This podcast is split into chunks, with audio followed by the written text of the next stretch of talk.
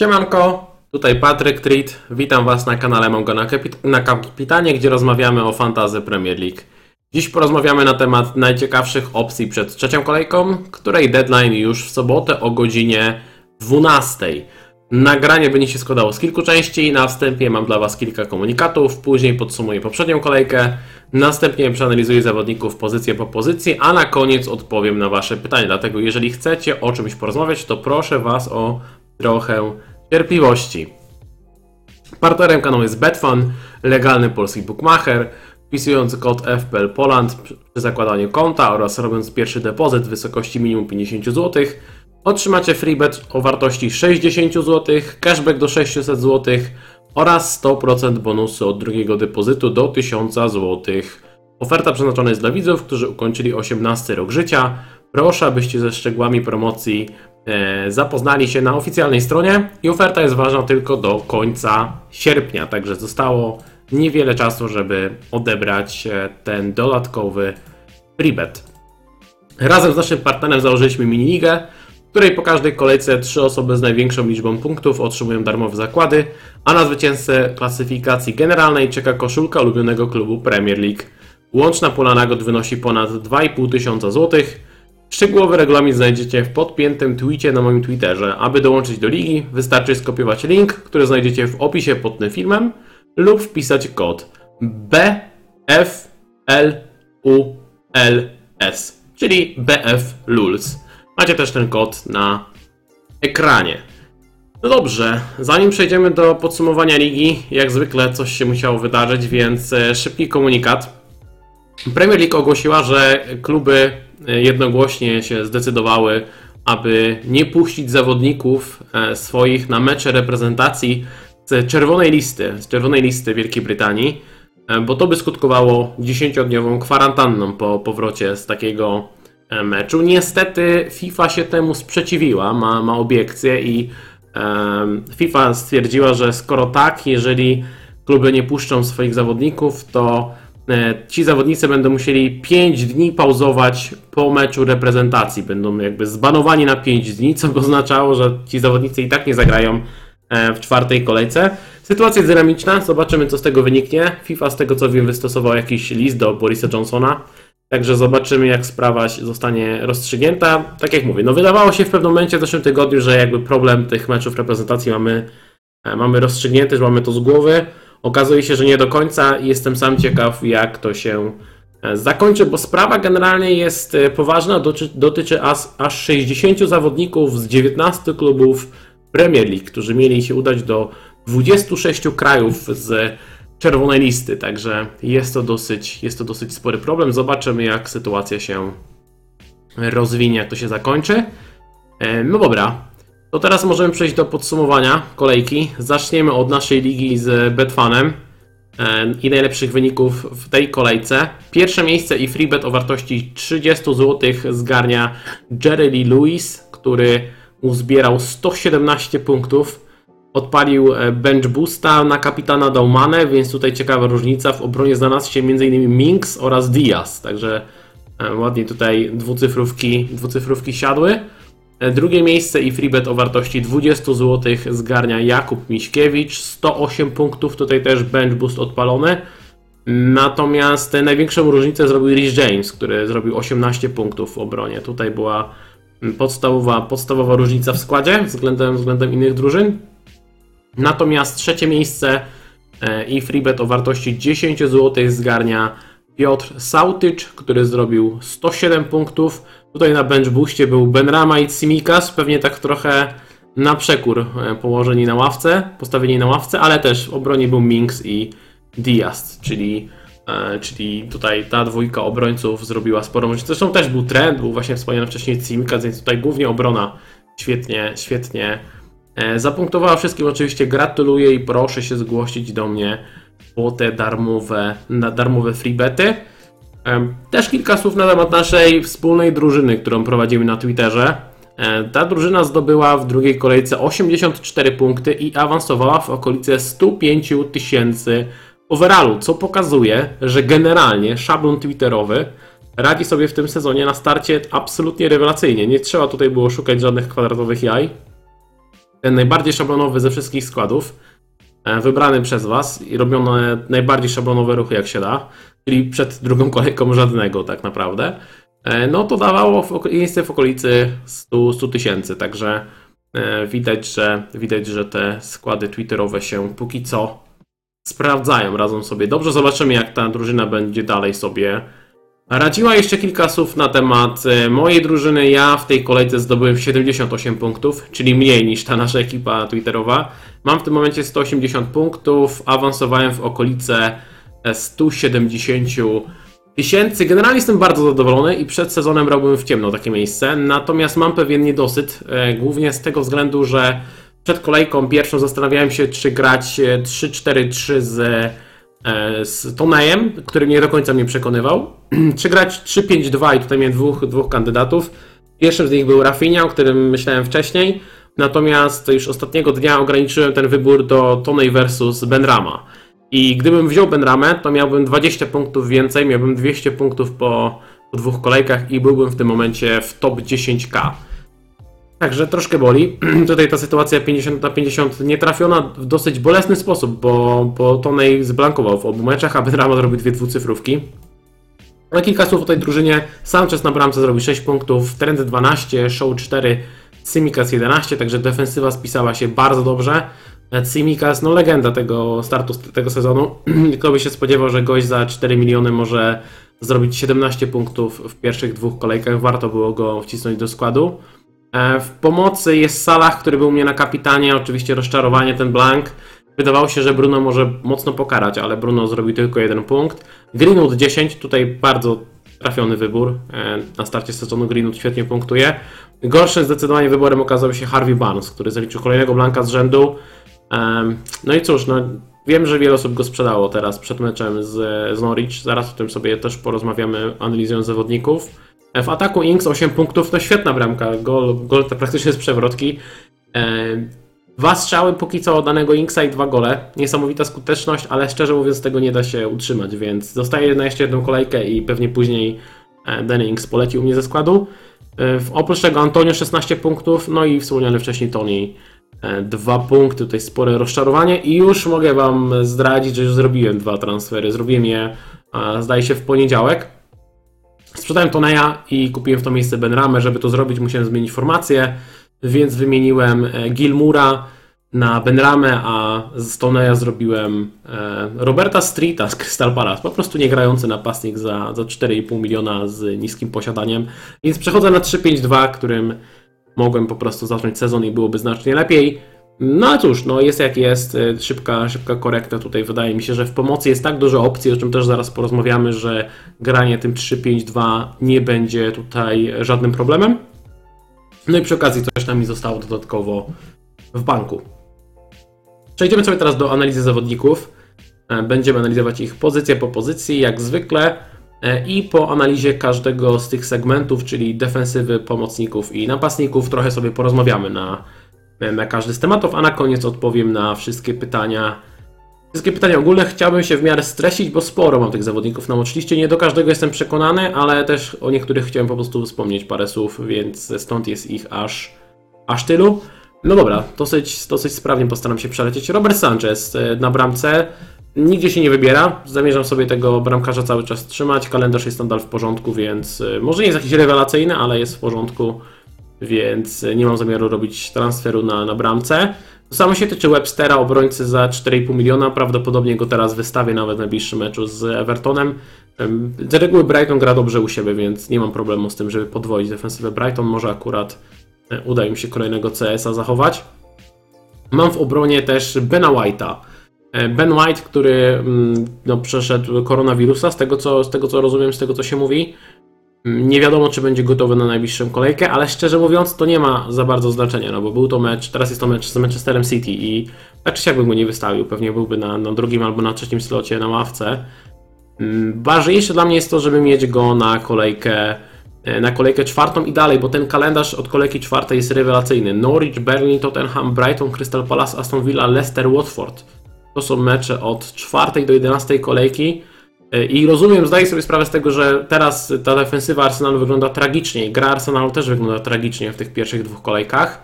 ale do czwartej kolejki ten skład powinien się mocno zmienić, bo po pierwsze e, wrócą, wróci część kontuzjowanych zawodników, część, którzy byli niedysponowani.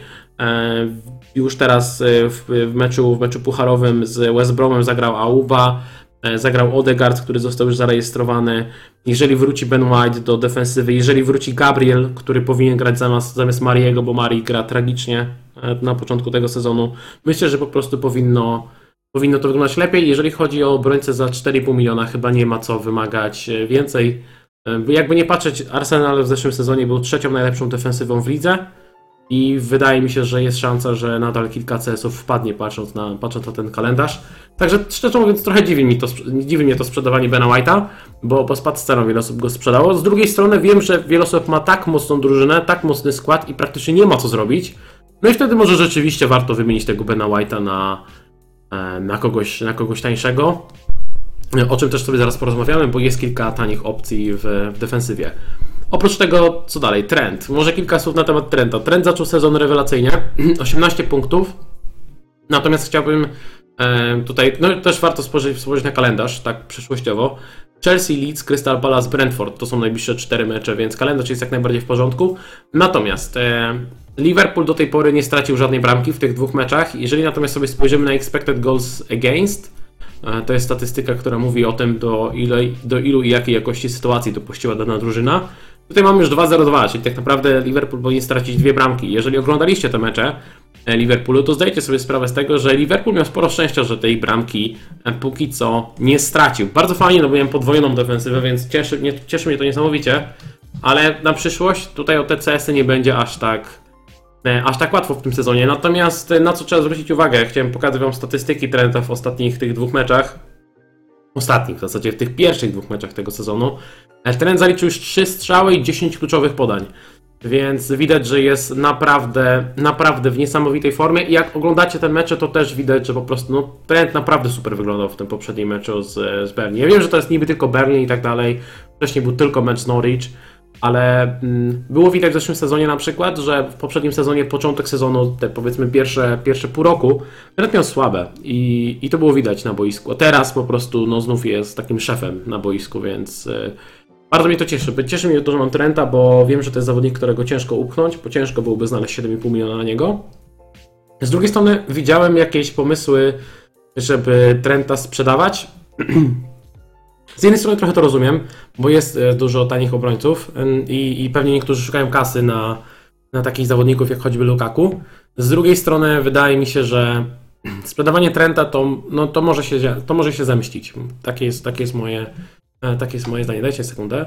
E, Także wydaje mi się, że Trenta naprawdę warto mieć. Cimikas, o nim już wspominałem, podrożał ceną do 4,2, e, dzięki czemu można go sprzedać za 4,1. I chyba tutaj wspomnę jednym zdaniem dosłownie, bo dostaję mnóstwo pytań na, na temat tego, jak to jest, że e, ceny zawodników się zmieniają, a mi w aplikacji się nie zmieniają. I teraz jest bardzo dobry przykład i Wam pokażę, jak to wygląda. Zobaczcie, jak wchodzicie sobie w zakładkę Transfers, to z reguły jako ta podstawowa opcja jest opcja Pitch View.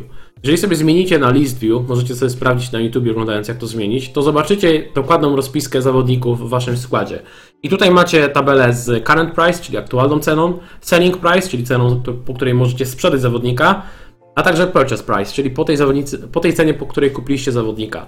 I jak to działa? Jeżeli kupiliście zawodnika na przykład za 4,5 miliona, tak jak jest Ben White, i on spadnie z ceną o 0,1 do 4,4, czyli jego current price wynosi 4,4, to automatycznie cena sprzedaży też o tyle spada. Czyli jak tylko cena sprzedaży, jak tylko cena zawodnika spada, to automatycznie spada też cena sprzedaży. Natomiast zarabiać jest dużo trudniej, bo e, mamy takiego gościa jak Cimikas, który został kupiony za 4 miliony, aktualna cena wynosi 4,2, natomiast sprzedać go możemy za 4,1, czyli zarabiamy tylko połowę tego, co zarobiliśmy, w dodatku do za, zaokrąglone w dół. Czyli jeżeli cena Cimikasa wynosiłaby w tym momencie 4,3, to kupując go za 4,0 i tak można go sprzedać tylko za 4,1. I te ceny wszystkie możecie sobie śledzić właśnie klikając na list view. Tutaj widzicie po jakiej cenie kupiliście zawodnika, możecie śledzić kiedy zarabiacie na zawodnikach, kiedy możecie na nich zarobić i ile możecie na nich e, zarobić. To tyle. A propos Simicast, nie będę się, nie będę się za bardzo e, rozgadywał na jego temat. No świetnie, świetnie, że zapunktował, ale wynik wygląda na to, że w meczu najbliższym z Chelsea już nie zagra. No i jest Luke Shaw. Luke Shaw, który jest e, sporym rozczarowaniem. Ostatnio zrobił 4 punkty, głównie z tego względu, że dostał 2 punkty bonusowe. Tak trochę, tak trochę nie wiadomo dlaczego, zaraz wam pokażę dlaczego. No ale szkoda, szkoda, że nie zaliczył żadnego CS-a. Jeżeli sobie spojrzymy na kalendarz, Wolverhampton, Newcastle, West Ham, Aston Villa, więc najbliższe cztery mecze wyglądają korzystnie i też mm, przestrzegam trochę przed tym sprzedawaniem Lukaszoła, bo wydaje mi się, że wiele osób myśli o tym, żeby go sprzedać i owszem United straciło, straciło dwa gole, natomiast jak spojrzymy na expected goals against, Manchester United jest w trzech najlepszych ekipach, którzy dopuścili do jakby najmniejszej liczby sytuacji e, swoich rywali. Tutaj jest e, ten współczynnik 1,16, czyli lepszy, dużo lepszy niż Liverpool, który zachował dwa CS-y. To pokazuje, że United miało troszkę pecha, że, że stracili dwa gole. E, ale też to wynikało trochę też z błędów, z błędów, które popełniła ekipa Manchesteru United. Niemniej myślę, że to się i tak może, ten Luke Show i tak może się spłacić w perspektywie kilku, kilku kolejek.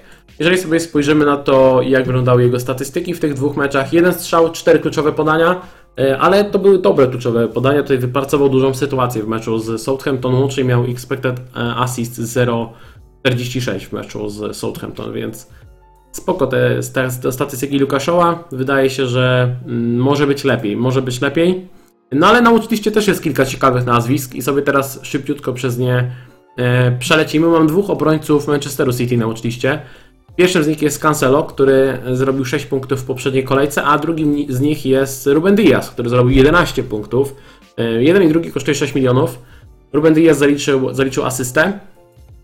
E, także no tutaj e, i dzięki temu też zgarnął, zgarnął max bonus. Generalnie punkty Rubena Diasa z przodu to nie jest coś, co się zdarza często. Do tego trzeba być się przywy, przywyknąć, że po prostu on rzadko daje coś z przodu, ale jego podstawowym plusem jest to, że gra regularnie, więc więc myślę, że to jest, to jest podstawowy atut i każdy sobie zdaje z tego sprawę, więc gdybym miał wybierać któregoś z nich, no to Diaz jest takim, takim gościem, który ma pewniejsze minuty, natomiast Cancelo może dorzucić coś ekstra z przodu, zazwyczaj dorzucać coś ekstra e, z przodu. Kalendarz Arsenal, Leicester, Southampton, Chelsea, więc generalnie spoko. W skrócie, jeżeli macie obrońcę City, to ja bym trzymał, jeżeli nie macie, no zastanowiłbym się, czy, czy kupić. Czy nie, ma, czy nie ma aktualnie lepszych opcji, bo ten kalendarz jest taki, no taki w kratkę, chociaż wiecie jak to jest City. City potrafi z każdą drużyną zachować e, czyste konto. Jeszcze rzut oka na statystyki Cancelo w tych e, dwóch meczach.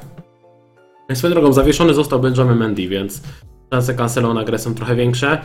E, chociaż szczerze mówiąc, po tym jak zagrał w, w meczu o E, tarczę wspólnoty i pierwszej kolejce Mendy, to spodziewałem się, że i tak zostanie zawieszony, bo, bo to był skandal.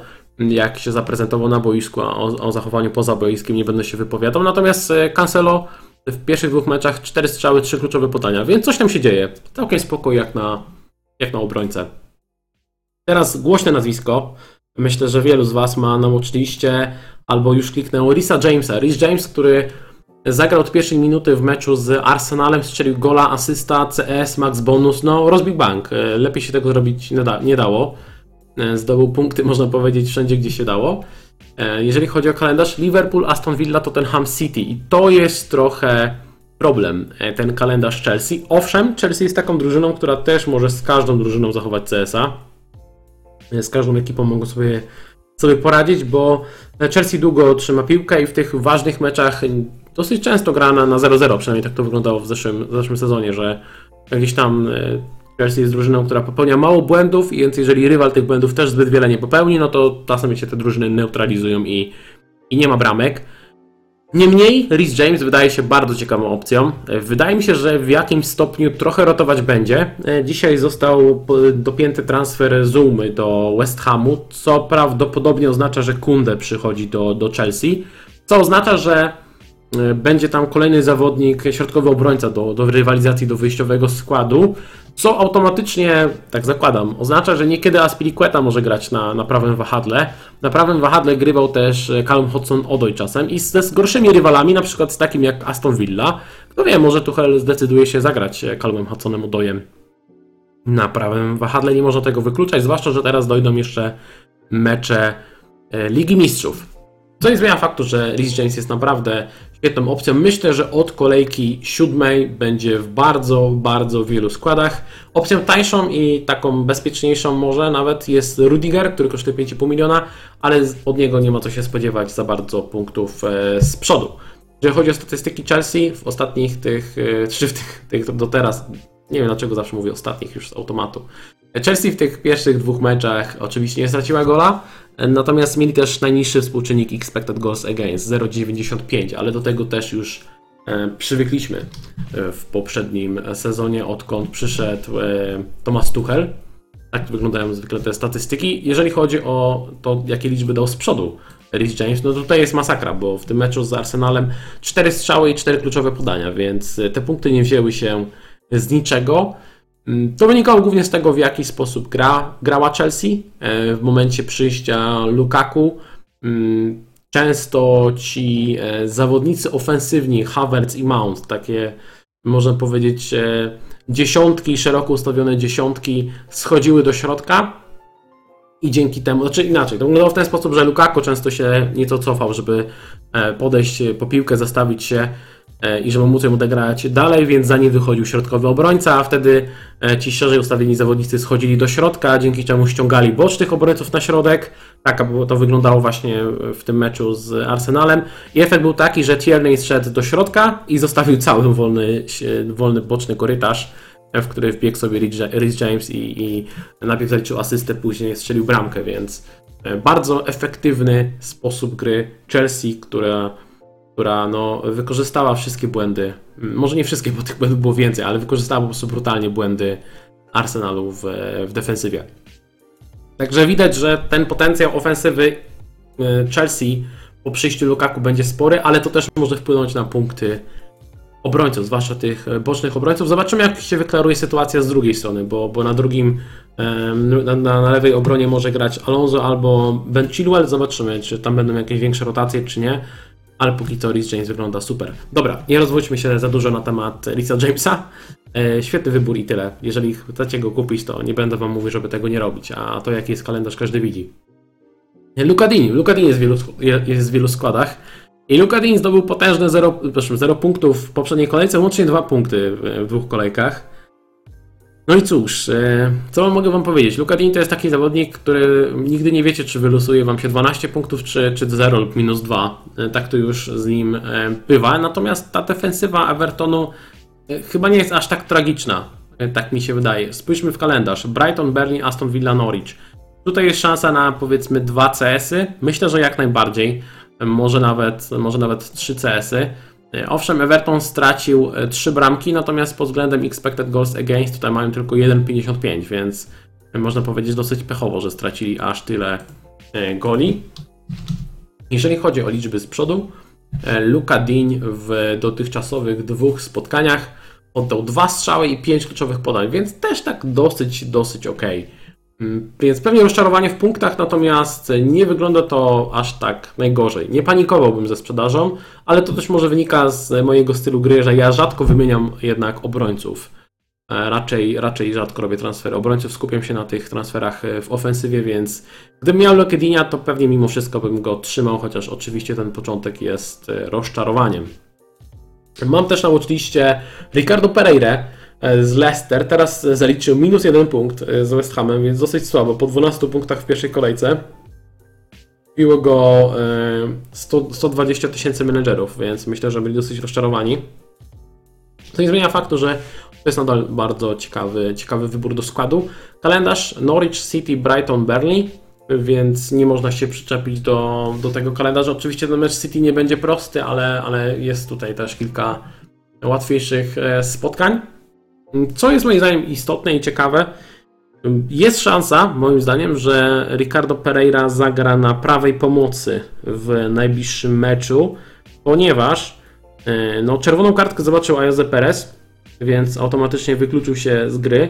I Brendan Rodgers ma tak naprawdę dwie opcje. Pierwszą opcją jest e, wystawienie Ienacho na prawej pomocy jako takiego schodzącego zawodnika do środka no i wtedy oczywiście Pereira też będzie miał otwartą, otwartą całą tą e, prawą stronę boiska, żeby atakować i, i wysoko e, włączyć się do akcji. To jest pierwsza opcja, która powinna być dla niego korzystna, ale jest opcja jeszcze korzystniejsza.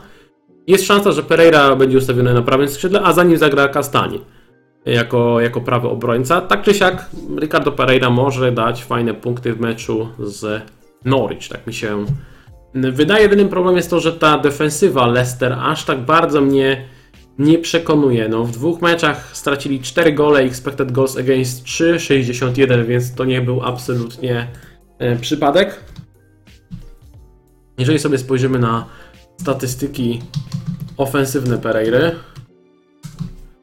to w tych dwóch meczach, no właśnie, to nie wygląda zbyt dobrze, bo tutaj jest tylko jeden niby jeden strzał i jedno kluczowe podanie. podanie. W praktyce, zwłaszcza w tym pierwszym meczu, to wyglądało bardzo dobrze, mimo że liczby tego nie oddają, więc te liczby mogą być troszeczkę e, mylące, tak mi się wydaje. Uważam, że to jest duży potencjał, tylko po prostu trochę nie ufam defensywie Leicester, zwłaszcza teraz, gdy gra tam Amartey.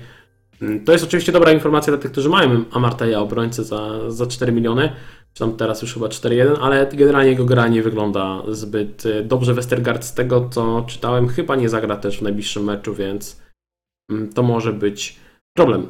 Mam dwóch obrońców West Hamu na e, watchliście. Pierwszym nim jest Cresswell, który kosztuje 5,5 miliona, ostatnio 2 punkty, łącznie 9 w tym sezonie.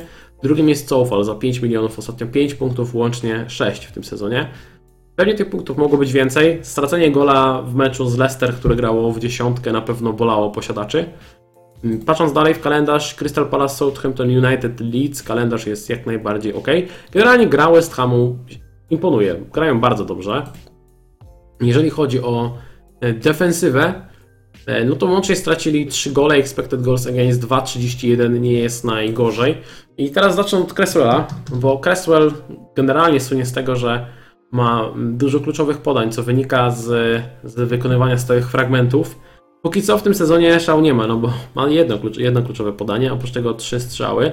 Ale chciałem dodać, że przyjście Zumy, o czym wspominałem wcześniej, możliwe, że poprawi punkty Cresswella z przodu, bo Zuma jest świetnym środkowym obrońcą, do którego można wrzucić piłkę w stałym fragmencie i on jest skuteczny pod bramką rywali, więc kto wie, może te liczby Cresswella się poprawią i może zaliczy jeszcze więcej asyst.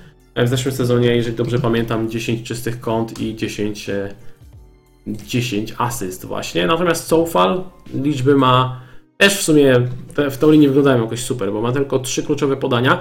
Natomiast jeżeli oglądacie mecze, to wiecie, że te sytuacje, które stwarzał Soufal były naprawdę bardzo dobre, bardzo dobre. E, Już w pierwszej kolejce powinien mieć asystę, wtedy Antonio trafił w poprzeczkę. Teraz już Antonio wykorzystał podanie Coufala, więc widać, że mm, Coufal szuka Antonio, a przez to, że Antonio jest w dobrej formie, jest skuteczny, to te sytuacje będzie często na e, gole zamieniał. Więc to są ciekawe wybory. E, Absolutnie nie mam nic do, do tych zawodników. Jeżeli ich macie, to pewnie bym ich trzymał. E, Regilon. Mam na, na, na watchliście Regilona, który podskoczył z ceną do 5-1. Dwa CS-y zaliczył, łącznie 13 punktów już na starcie sezonu. E, Te CS-y były troszeczkę szczęśliwe. Natomiast kalendarz Watford, Crystal Palace, Chelsea, Arsenal. Najbliższe dwa mecze wyglądają naprawdę super. Później jeszcze jest Aston Villa, Newcastle, więc powiedzmy, że do ósmej kolejki ten kalendarz jest, jest, jest ok. Jest widać tutaj potencjał na, na kilka CS-ów. E, Wspominałem, że te dwa CS-y były dosyć szczęśliwe, bo e, no, nie stracili, Tottenham nie stracił żadnego gola, natomiast jak sobie spojrzymy na ich statystyki expected goals against, oni mają 3,62, czyli tak naprawdę mogli stracić 4 gole. E, Dlaczego nie stracili? Po pierwsze, Loris się świetnie spisywał na bramce, a po drugie, jednym z tych spotkań był mecz z Wolverhampton, a tam jest taki zawodnik jak Adama Traore, który ma problem z wykańczaniem sytuacji, więc e, to był taki e, zbieg okoliczności. Ale no cóż, no punkty są. Już ich, nikt, ich nie cofnie, zaksięgowana jest, więc no super, że, że te punkty Regilon dał. Jeżeli chodzi o statystyki z przodu, dwa kluczowe podania. Mogło być pewnie lepiej, ale myślę, że to i tak jest bardzo ciekawy wybór do składu. Chciałem jeszcze rzucić okiem, bo mam jeszcze jednego obrońcę. E, Tottenhamu ma mianowicie Tangangę, który kosztuje 4,5 miliona, ale szczerze nie jestem w stanie Wam polecić e, żadnego e, obrońcę za 4,5 miliona z Tottenhamu, bo nie mam pewności, który obrońca będzie grał regularnie. Wydaje mi się, że Tanganga ma szansę na, na regularną grę. On gra na tej prawej stronie, tam potencjalnym zagrożeniem jest Doherty, ale e, no, póki co, póki co nie dostał e, zbyt wielu minut, 7 konkretnie w pierwszej kolejce. E, Teoretycznie zagrożeniem może być też Serge Aurier, ale wydaje mi się, że Tanganga ma szansę wywalczyć sobie miejsce w wyjściowym składzie na, na stałe. Oprócz tego w środku jeszcze jest Davinson Sanchez za 4,5, Eric Dyer za 4,5, ale któryś z nich pewnie straci miejsce, bo do gry może wrócić Romero, który już z tego co widziałem chyba dzisiaj grał e, w Pucharze Konfederacji, więc e, wydaje się, że on skoczy w miejsce któregoś z tych obrońców, także zobaczymy. Ktoś tam z Tottenhamu będzie za 4,5 do, do wzięcia i to może być e, ciekawa opcja, ale kto sobie to miejsce na stałe walczy, tego jeszcze nie wiem. Wrzuciłem na watchlistę Nelsona Semedo. Wiem, że nie każdemu to nazwisko na watchliście się spodoba. E, zaliczył Blanka w tym meczu z Tottenhamem, spadł z ceną, teraz kosztuje tylko 4,9. Myślę, że warto go obserwować. E, po pierwsze, czy utrzyma miejsce w składzie, bo to nie jest nic takiego super pewnego, ale wydaje mi się, że utrzyma. Więc będę go obserwował w meczu z, w meczu z United. Ale głównie mam go na watchliście z dwóch względów. Po pierwsze, kalendarz Wolverhampton po czwartej kolejce to jest Watford, Brentford, Southampton, Newcastle, Aston Villa, Leeds. E, później jest Everton, Crystal Palace, West Ham, Norwich i Burnley, więc od kolejki czwartej do kolejki czternastej nie ma tutaj żadnego meczu z drużyną Big Six, czyli można kupić go do składu i trzymać do grudnia tak naprawdę. O ile będziecie w stanie go e, z nim wytrzymać w składzie. Mm, statystyki, statystyki defensywy e, Wolverhampton całkiem spoko. W dwóch meczach stracili dwa gole. Expected goals against 2,39, więc nie, jest, nie ma źle, nie jest źle, nie ma tragedii, ale też pewnie szału nie ma. Natomiast e, druga rzecz, która, która spowodowała, że znalazł się na tej e, watchliście, w poprzednim meczu Semedo zaliczył dwa strzały i dwa kluczowe podania. Był dosyć wysoko ustawiony, często atakował tą prawą stroną. I wydaje mi się, że to może być właśnie z tego względu ciekawa opcja. Jeżeli ta defensywa West Hamu będzie w miarę przyzwoicie broniła, to ten, przy tym kalendarzu, jeżeli dorzucimy kilka CS-ów i kilka powiedzmy asyst czy, czy jakąś bramkę raz na jakiś czas, to Semedo może być ciekawą opcją poniżej 5 milionów. Także myślę, że warto go obserwować. No i przechodzimy do pewnie waszego ulubionego fragmentu. A nie, przepraszam, jeszcze jedno słowo o Eilingu. Mam jeszcze na, na oczywiście Eilinga. E, osobiście uważam, że dopóki nie, wró nie wróci Lorente do składu, to ta defensywa Leeds nie będzie wyglądała zbyt dobrze i wspominałem już o tym przed sezonem. To jest problem. Natomiast warto tego Eilinga trzymać. Kalendarz do 10 kolejki jest super. E, jest tani, więc też nie ma powodu, żeby go, żeby go sprzedawać i po prostu czekamy na powrót e, na powrót Lorente. Już wrócił Calvin Phillips, więc ta gra powinna się poukładać. No i dobra, i teraz ten fragment, o którym wspominałem wcześniej, czyli obrońcy za 4-0. Część z nich już kosztuje 4-1. Mam tutaj kilka nazwisk na watchliście, dosłownie po jednym zdaniu każdym. E, Duffy, Shane Duffy, który zdobył 14 punktów w poprzedniej kolejce, podrożał ceną do 4-1. Wydaje się, że on na jakiś czas będzie miał miejsce w w wyjściowej 11, natomiast gdy wróci do gry Weltman, to może się okazać, że Duffy to miejsce w składzie e, straci, bo w aktualnym ustawieniu mm, Brighton nie ma, jakby traci jednego, jednego zawodnika, który potrafi dobrze rozegrać piłkę, a to jest dosyć istotne dla e, Pottera. Zwykle to jest tak, że Dunk gra na e, środku, z lewej gra Webster, a z prawej gra właśnie taki obrońca, który potrafi rozegrać piłkę i tam grywał albo White, albo Weltman. White przyszedł do Arsenalu, Weltman um, wypadł ze względu na koronawirusa i w najbliższym meczu nie zagra, natomiast nie zdziwi mnie, jeżeli od kolejki czwartej Weltman wróci do składu e, i wtedy Dunk wróci też na środek, bo w tym momencie to wygląda w ten sposób, że Duffy gra na środku i po prostu brakuje tego jednego obrońcy, który mógłby tę piłkę rozegrać. Więc mam pewne obawy związane z Shane'em Duffin, czy on tego składu nie straci. E, kolejne nazwisko e, za 4-1 Daniel Amarty i tutaj już wspominałem, że wszystko wskazuje na to, że w najbliższym meczu zagra z Norwich i oczywiście może dać jakieś punkty, więc jeżeli go macie, to, to warto go trzymać i pewnie nawet warto go wystawić e, w wyjściowej 11, ale to jest opcja, która dosyć szybko straci swoją ważność, że tak powiem. Myślę, że powinien ten skład dosyć szybko dosyć, dosyć szybko stracić, o ile oczywiście problemy zdrowotne Westergarda jakoś się nie przeciągną. Mamy dwóch obrońców e, Norwich. Pierwszy z nich jest wypożyczony z Manchester United Brandon Williams. Będziemy obserwować, czy on wywalczy sobie miejsce w wyjściowej 11. Wydaje mi się, że jest na to spora szansa.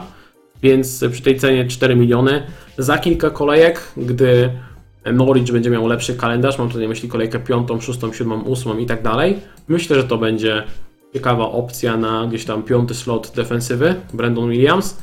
Jeżeli swoje miejsce mm, wywalczy i utrzyma Andrew Omobamidele, to też jest niezły wybór, ale wydaje mi się, że e, Omobamidele ma w dłuższej perspektywie mniejsze szanse na, na grę regularną niż e, Brandon Williams, ale to jest wszystko oczywiście do obserwacji i do zweryfikowania.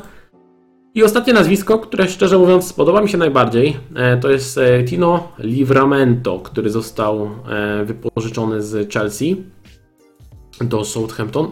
Tak, chyba wypożyczony. Teraz przez chwilę zwątpiłem, czy oni go nie wykupili, ale jestem prawie pewien, że go wypożyczyli. Świetnie wygląda, świetnie wygląda na prawej stronie i wydaje mi się, że on może też na stałe grać w ekipie Southampton. Oczywiście święci nie są może mm, topową ekipą, jeżeli chodzi o defensywę. Natomiast od obrońcy za 4-0 nie należy wymagać zbyt wiele i jeżeli on będzie grał regularnie w drużynie Southampton, to myślę, że będzie ciekawą opcją. Teraz mecz z Newcastle, więc jeżeli ktoś go ma w składzie, to można nawet pomyśleć, żeby wystawić go do wyjściowej jedenastki. To tyle chyba, jeżeli chodzi o obrońców. Wiem, że trochę tutaj nam zeszło, ale chciałem o kilku nazwiskach parę słów wspomnieć. Dajcie znać, czy macie jakieś pytania dotyczące e, defensywy. Jeżeli tak, to, to piszcie, ja postaram się Wam pomóc. W międzyczasie pokażę Wam, jak wyglądają szanse na czyste konto w najbliższej kolejce. Zdaniem Bookmachera e, Betfan największe szanse na czyste konto ma Manchester City, Tottenham, West Ham i Manchester United. Natomiast najmniejsze szanse ma Arsenal, Watford, Norwich i Crystal Palace. Więc wiemy, że w te ekipy powinniśmy celować, szukając, szukając opasek, i o tym też teraz sobie porozmawiamy.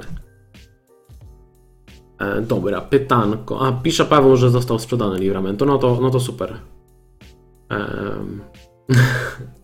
E, czy Pereira za, zastrzela? Wiesz co, tak jak mówię, ja osobiście rzadko robię transfery mm, obrońców Wydaje mi się, że są lepsze opcje na wykorzystanie tych darmowych transferów. Nie ma ich zbyt wiele w sezonie.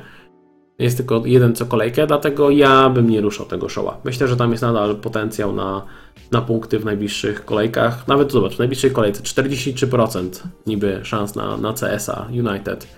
Myślę, że myślę, że też gdy już wskoczy Varan, to ta defensywa może wyglądać lepiej. Także ja bym dosyć cierpliwie czekał z tym showem. Chociaż należy podkreślić, że ma bardzo dobre statystyki w ofensywie już cały rok, to w sensie od początku roku kalendarzowego, a na jakieś wielkie punkty w zeszłym sezonie to się nie przełożyło. Najlepsze punkty dał w meczu z City, gdy większość posadziła go na ławce, on akurat miał wtedy CS, a jeszcze bramkę strzelił, więc e, trzeba z tym showem uważać. No dobra, nie widzę pytań dotyczących defensywy. W sumie mnie to nie dziwi, bo to nie jest najciekawszy segment naszych, naszych składów. Chyba możemy przejść do, do pomocy. Zacznę od pomocników, których mam w swoim składzie. No i pierwszy od lewej u mnie siedzi sobie Harvey Barnes, który spadł z ceną z 7 milionów na, na 6,9. W poprzednim meczu 2 punkty, 63 minuty, także cudem się załapał na ten drugi punkt. Niewiele brakło, a zszedłby wcześniej, by tego punktu nie zgarnął. No jest to oczywiście olbrzymie rozczarowanie. 5 punktów w tych pierwszych dwóch meczach. Wydawało się, że to może być dużo, dużo e, lepsza opcja. Mm, a wiesz co, Eden? Nie, nie zignorowałem, po prostu nie zauważyłem. E, to jeszcze, jeszcze wspomnę tutaj a propos defensywy. Aha, ale wiesz co, wiesz co, ja ci nie pomogę, kogo masz wybrać do wyjściowego, do wyjściowego składu, bo nie chciałbym brać tutaj odpowiedzialności na siebie, kogo, go wybierasz, wiesz? Także to nie jest kwestia, kwestia ignorowania, po prostu no, nie wybiorę za ciebie trójki obrońców do, do składu. Masz dobrą defensywę i to jest w sumie twoja, e, twoja sprawa, których wystawisz do, do wyjściowej jedenastki. Dobra, wracamy do Harvey'ego Barnesa. E, spore rozczarowanie. Spojrzymy sobie w statystyki Barnesa, bo tutaj też jest, jest absolutny dramat. E, Harvey Barnes w tych pierwszych dwóch meczach ma jeden strzał i jedno kluczowe podanie. Tragedia, tragedia i nie dziwię się, że wiele osób go sprzedaje. Ja postanowiłem go przetrzymać głównie i w zasadzie tylko i wyłącznie z tego względu, że teraz Leicester gra z Norwich, czyli prawdopodobnie jedną z najgorszych, jak nie najgorszą defensywą e, w całej lidze. Mam nadzieję, że Harvey Barnes wyjdzie w składzie i że dorzuci jakieś, jakieś punkty. Miałbym do siebie spore pretensje, gdybym sprzedał Harvey'ego Barnesa po tych dwóch meczach przed jednym z najlepszych, najłatwiejszych spotkań, on by zrobił grube punkty w tym meczu z Norwich. To by oznaczało, że e, nie starczyło cierpliwości, żeby przetrzymać go do tej trzeciej, trzeciej kolejki. Stąd u mnie został w składzie, ale no szczerze nie dziwi mnie to, jeżeli ktoś z Was go, go sprzedał, bo jakby nie daje argumentów patrząc na swoją postawę na boisku. Jedynym argumentem jest ten e, łatwy mecz. Pewnie później go opchnę, aczkolwiek później mecz City, gdzie oczywiście no, pewnie nie da, gruby, nie da grubych punktów. Następnie są mecze z Brighton, Berlin, Crystal Palace, więc gdyby on przypadkiem zaliczył dobry występ z Norwich, na co, na co liczę, to myślę, że wtedy też trochę się zmieni, e, zmieni postrzeganie tego zawodnika i być może jednak wtedy go, jednak go przetrzymam. Także to jest kwestia e, do przemyślenia. No mam nadzieję po prostu, że strzeli bramkę w meczu z, w meczu z Norwich. Są też pewne spekulacje, niektórzy twierdzą, że być może nie wyjdzie w wyjściowej 11. Moim zdaniem jest na to mała szansa. E, po pierwsze, e, z tego co czytałem, nie ma, ma być, Westergaard ma nie być gotowy. I to troszkę wyklucza opcję gry z trójką obrońców i z wahadłami, z dwoma napastnikami. To jest pierwsza kwestia. E, druga kwestia, gdzieś tam pojawiły się spekulacje dziennikarzy, że powinien przetestować Brendan Rodgers ustawienie z Wardim i Enacho i z Barnesem, bo to jest chyba trójka najlepszych ofensywnych zawodników Leicester i właśnie ten mecz e, z najbliższy z Norwich to jest dobra okazja, żeby to przetestować właśnie chociażby przez to, że wypadł Ayor Perez, więc Wydaje mi się, że Brendan Rodgers po prostu spróbuje tego ustawienia i jestem ciekaw, jakie będą efekty. Wydaje mi się, że po prostu Jenacho wskoczy w miejsce, miejsce Pereza i Barnes swoje miejsce w składzie utrzyma. Dobra, idziemy teraz do grubszych nazwisk. Mo Salah, który zaliczył Blanka z Berli. Klątwa soboty 13.30, jak to niektórzy twierdzą. No ja bym, ja bym się z tym nie do końca zgodzę. Dobry mecz Salaha, no strzelił nawet bramkę, tam dosłownie brakowało kilku centymetrów, był na spalonym.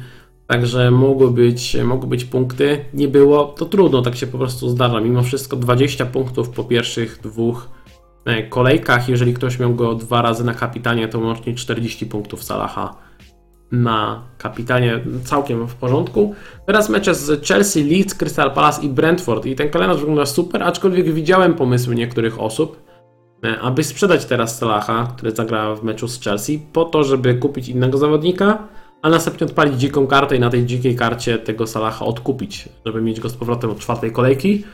Jest to dosyć agresywna strategia, natomiast w jakimś stopniu myślę, że ona się, ona się broni. Jeżeli ktoś jest w 100% pewien, że na pewno gra dziką kartę między trzecią a czwartą kolejką, to ten pomysł może się, może się opłacić, ale jest to oczywiście ryzyko, no bo Salah w meczu u siebie nawet z Chelsea może, e, może coś wcisnąć tutaj Chyba nikt nie ma co do tego e, wątpliwości. Jeszcze rzut oka na e, statystyki Mosalaha w tych e, dwóch pierwszych spotkaniach i to jest coś, co wygląda naprawdę obiecująco, bo łącznie oddał 10 strzałów i do tego zaliczył 5 kluczowych podań. Więc strzałów jest sporo. Jeżeli spojrzymy sobie na expected goals, tutaj jest 0,59, więc to jest tutaj nieco gorsza statystyka, bo te, widać, że te sytuacje nie były takie stuprocentowe. To nie były sytuacje sam na sam. Niemniej, no, miał w ogóle Salah mógł spokojnie zaliczyć więcej punktów też, gdyby Sadio, Mane nieco inaczej zachowywał się na boisku, y, bo w jednej sytuacji ewidentnie Mane mógł podawać Salahowi, który miałby całą bramkę przed sobą i gdzieś tam nika połupa i nic poza tym, na, na gdzieś, y, nie wiem, to byłby 11 metr, może 12, ale zamiast tego Mane postanowił przetoczyć piłkę pod piętą, zrobić obrót o 180 stopni i spróbować strzał, zupełnie bez sensu. A, później była sytuacja, w której Salah podawał do Mane i Mane gdzieś tam na piątym, szóstym metrze zamiast spróbować dziubnąć, tą piłkę i wepchnąć do bramki, to postanowił, że spróbuje uderzyć piętką i w piłkę nie trafił, więc e, no dziwnie to wyglądało, dziwnie to wyglądało. Myślę, że to jest troszkę pech tutaj, że Salah tych punktów nie zaliczył, ale patrząc na jak gra na boisku, ja jestem o niego E, spokojny. Bruno Fernandes, kolejny zawodnik, który rozczarował, tylko jeden punkt z Southampton, ale znów mogę podkreślić to, co powiedziałem w przypadku Salaha. 21 punktów w pierwszych dwóch meczach to jest naprawdę rewelacja. Na pewno nastroje byłyby nieco inne, gdyby na przykład w pierwszym meczu Bruno zrobił jeden punkt, a w drugim 20. Wtedy byśmy na to zupełnie inaczej spoglądali. E, jest na odwrót i stąd widziałem, że niektórzy dosyć sceptycznie podchodzą do E, do Bruno Fernandesa, natomiast patrząc na kalendarz, e, Wolverhampton, Newcastle, West Ham, Aston Villa, wydaje mi się, że nie ma co tutaj Mm, Nie ma co tutaj się podpalać i warto Bruno trzymać. E, Moim zdaniem to jest też jedna z najlepszych, jeżeli nie najlepsza opcja na opaskę w następnej kolejce. Jeszcze kilka słów e, na, na, natomiast tego, jak wyglądała gra Bruno w ostatnim meczu. E, W ostatnim meczu nie wbiegał aż tak często w pole karne, co wynikało m.in. z tego, że na dziewiątce zagrał Martial, który inaczej gra niż Greenwood. W pierwszym meczu e, Greenwood grał na dziewiątce i on często z tej dziewiątki uciekał gdzieś tam do boku i wtedy Bruno wchodził na pozycję środkowego napastnika.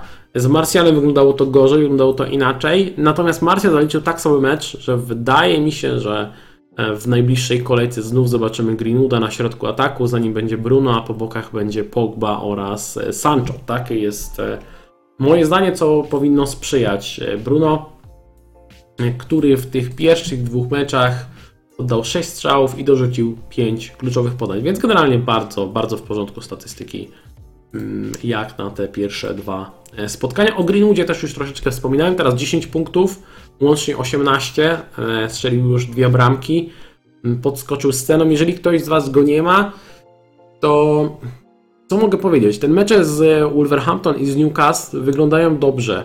Mm, I tu jest opcja na, na punkty. Natomiast e, z każdym kolejnym meczem Greenwood staje się nieco gorszą opcją. E, Z tego względu, że coraz bliżej powrotu jest Cavani. E, No jest Martial, który, który no jednak Solskjaer często na niego stawia, więc jest zagrożeniem dla Greenwooda. E, Lepszą formę meczową będzie ła- łapał Sancho. E, Widziałem, że do delikatnych treningów indywidualnych wrócił już Rashford, chyba szybciej niż była mowa, że ma to zrobić, więc też nie wiadomo kiedy wróci do, do gry, kiedy będzie do dyspozycji Solskiera.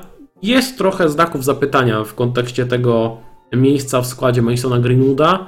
Mimo wszystko no, jest bardzo dobrą opcją na myślę najbliższe dwa mecze jeszcze, więc tutaj nie ma co E, Nie ma co się za bardzo zastanawiać. Jeżeli ktoś go ma, to oczywiście trzyma. Pytanie, czy warto go e, kupić? Chyba jeszcze tak. Chyba jeszcze tak.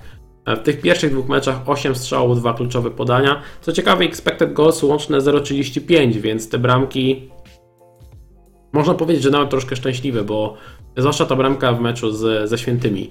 Taki farfocel, e, taki farfocel wpadł. Ta bramka z Leeds to był po prostu świetny strzał.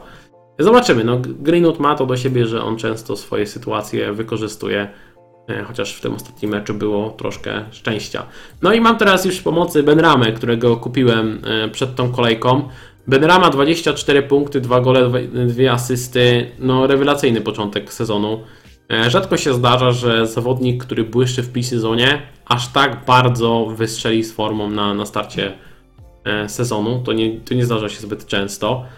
A jeżeli spojrzymy sobie na kalendarz Crystal Palace, Southampton United, Leeds, tutaj widać szansę na kolejne grube punkty i nie widzę powodu, aby nie kupić Benramy. E, Wiem, że niektórzy wychodzą z założenia, że no, skoro już dobrze zapunktował w dwóch meczach, prawie każdy go ma i tak dalej, to teraz już nie warto go kupić. Moim zdaniem takie myślenie to jest trochę pułapka. To pokazują przypadki na przykład e, Lingarda w zeszłym sezonie, który zaczął punktować i, i praktycznie co kolejkę robił świetne punkty i wydawało się, że no nie, no teraz już nie ma sensu go kupić. On punktował przez 7 czy 8 kolejek. To samo się tyczyło na przykład Ienacho w zeszłym sezonie. Też wystrzelił i zaczął regularnie punktować niemal kolejka w kolejkę, więc jak ktoś uparcie go nie kupił, no to sporo stracił. E, To samo na przykład Willock. Willock pod koniec zeszłego sezonu też e, co mecz strzelał bramkę i można było to olać i stwierdzić, że no teraz to już nie ma sensu kupić, a jednak e, pokazało, że lepiej kupić. Więc zmierzam do tego, że nie ma co być upartym. Jeżeli nie macie Benramy, to myślę, że warto go mieć.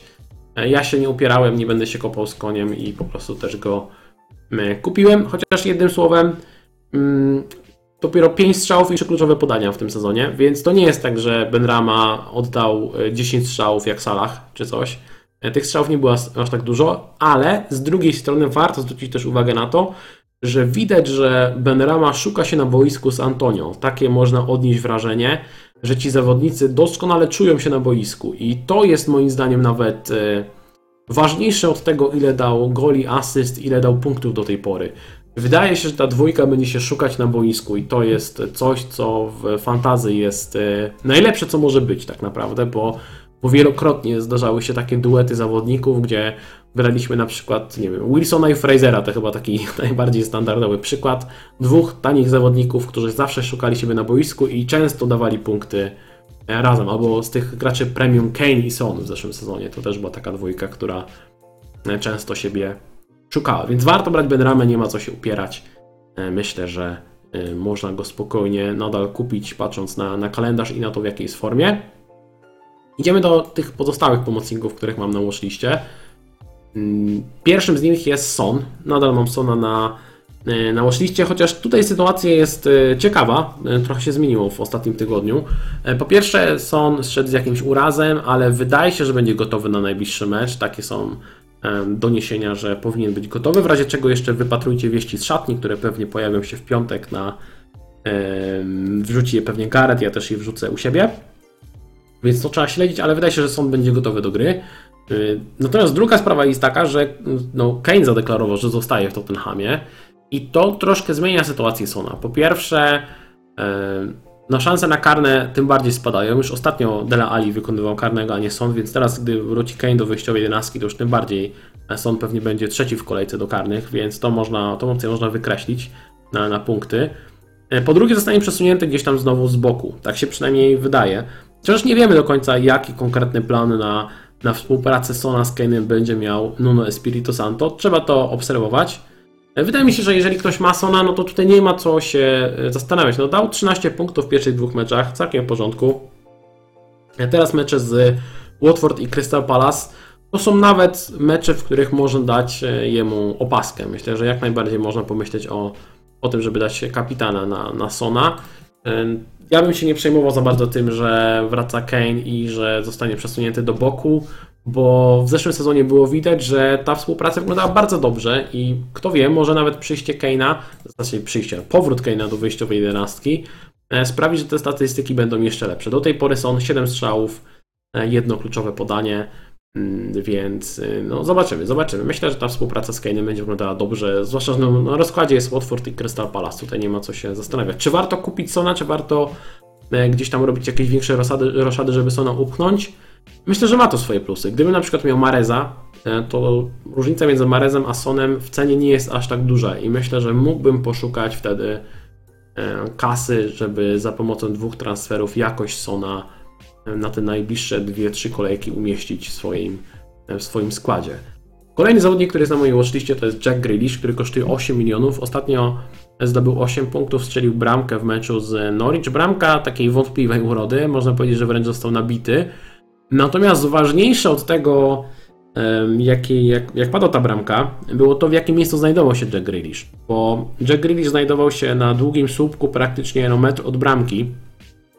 Nie wiem, czy pamiętacie, nie wiem, czy kojarzycie, ale gdy Raheem Sterling przyszedł do Manchesteru City e, pod, e, i grał pod, pod wodzą e, Pepa Guardioli, to styl gry Sterlinga też się zmienił. A styl gry Sterlinga się zmienił i Sterling też zaczął się bardzo często pojawiać gdzieś tam na długim słupku i mówiło się, że, no, on tylko do, że Sterling tylko dobija do pustaka, że tak naprawdę e, Sterling wcale się za bardzo nie rozwinął, tylko po prostu dobija do pustaka, ale tak jak niektórzy o tym piszą i, i jakby chcą chyba w ten sposób w jakimś stopniu umniejszyć wartość zawodnika, o tyle pod kątem fantazy to jest najlepsze co może być. Jeżeli widzicie zawodnika, który wbiega w pole karne i stoi na długim słupku i tylko dobija na pustą bramkę, to nie ma nic lepszego, nie ma nic lepszego.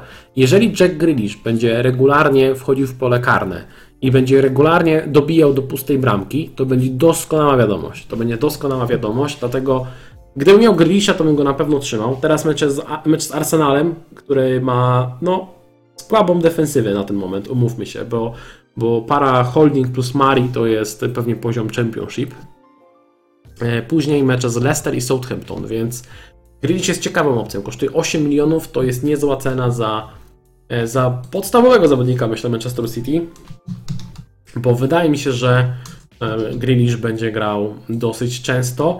Oczywiście na pewno będą takie mecze, w których Jack Grealish będzie ustawiany nieco głębiej.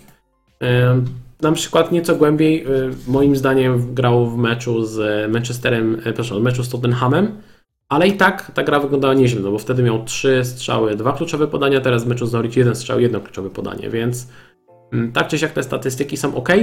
Więc Grealish może być taką opcją, która po prostu będzie w składzie, będzie dosyć często w wyjściowej 11, co zdarza się, to jest, no to jest nietypowe w przypadku zawodników Manchester City. Wydaje mi się, że Grealish ma szansę grać dosyć regularnie i pewnie te punkciki za jakiś czas będzie e, dawał, czy to poprzez asystę, czy to właśnie poprzez ten strzał na pustaka. Jestem też tylko ciekaw, jak będzie wyglądała ta gra Grealisha w momencie, gdy wróci Kevin De Bruyne do wejściowej 11.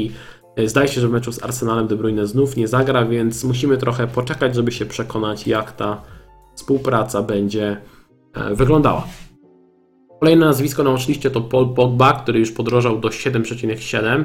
Ostatnio dał 4 punkty, miał e, jedną asystę, zobaczył też żółtą kartkę, stąd tylko 4 punkty, łącznie 20 punktów w pierwszych tych dwóch kolejkach.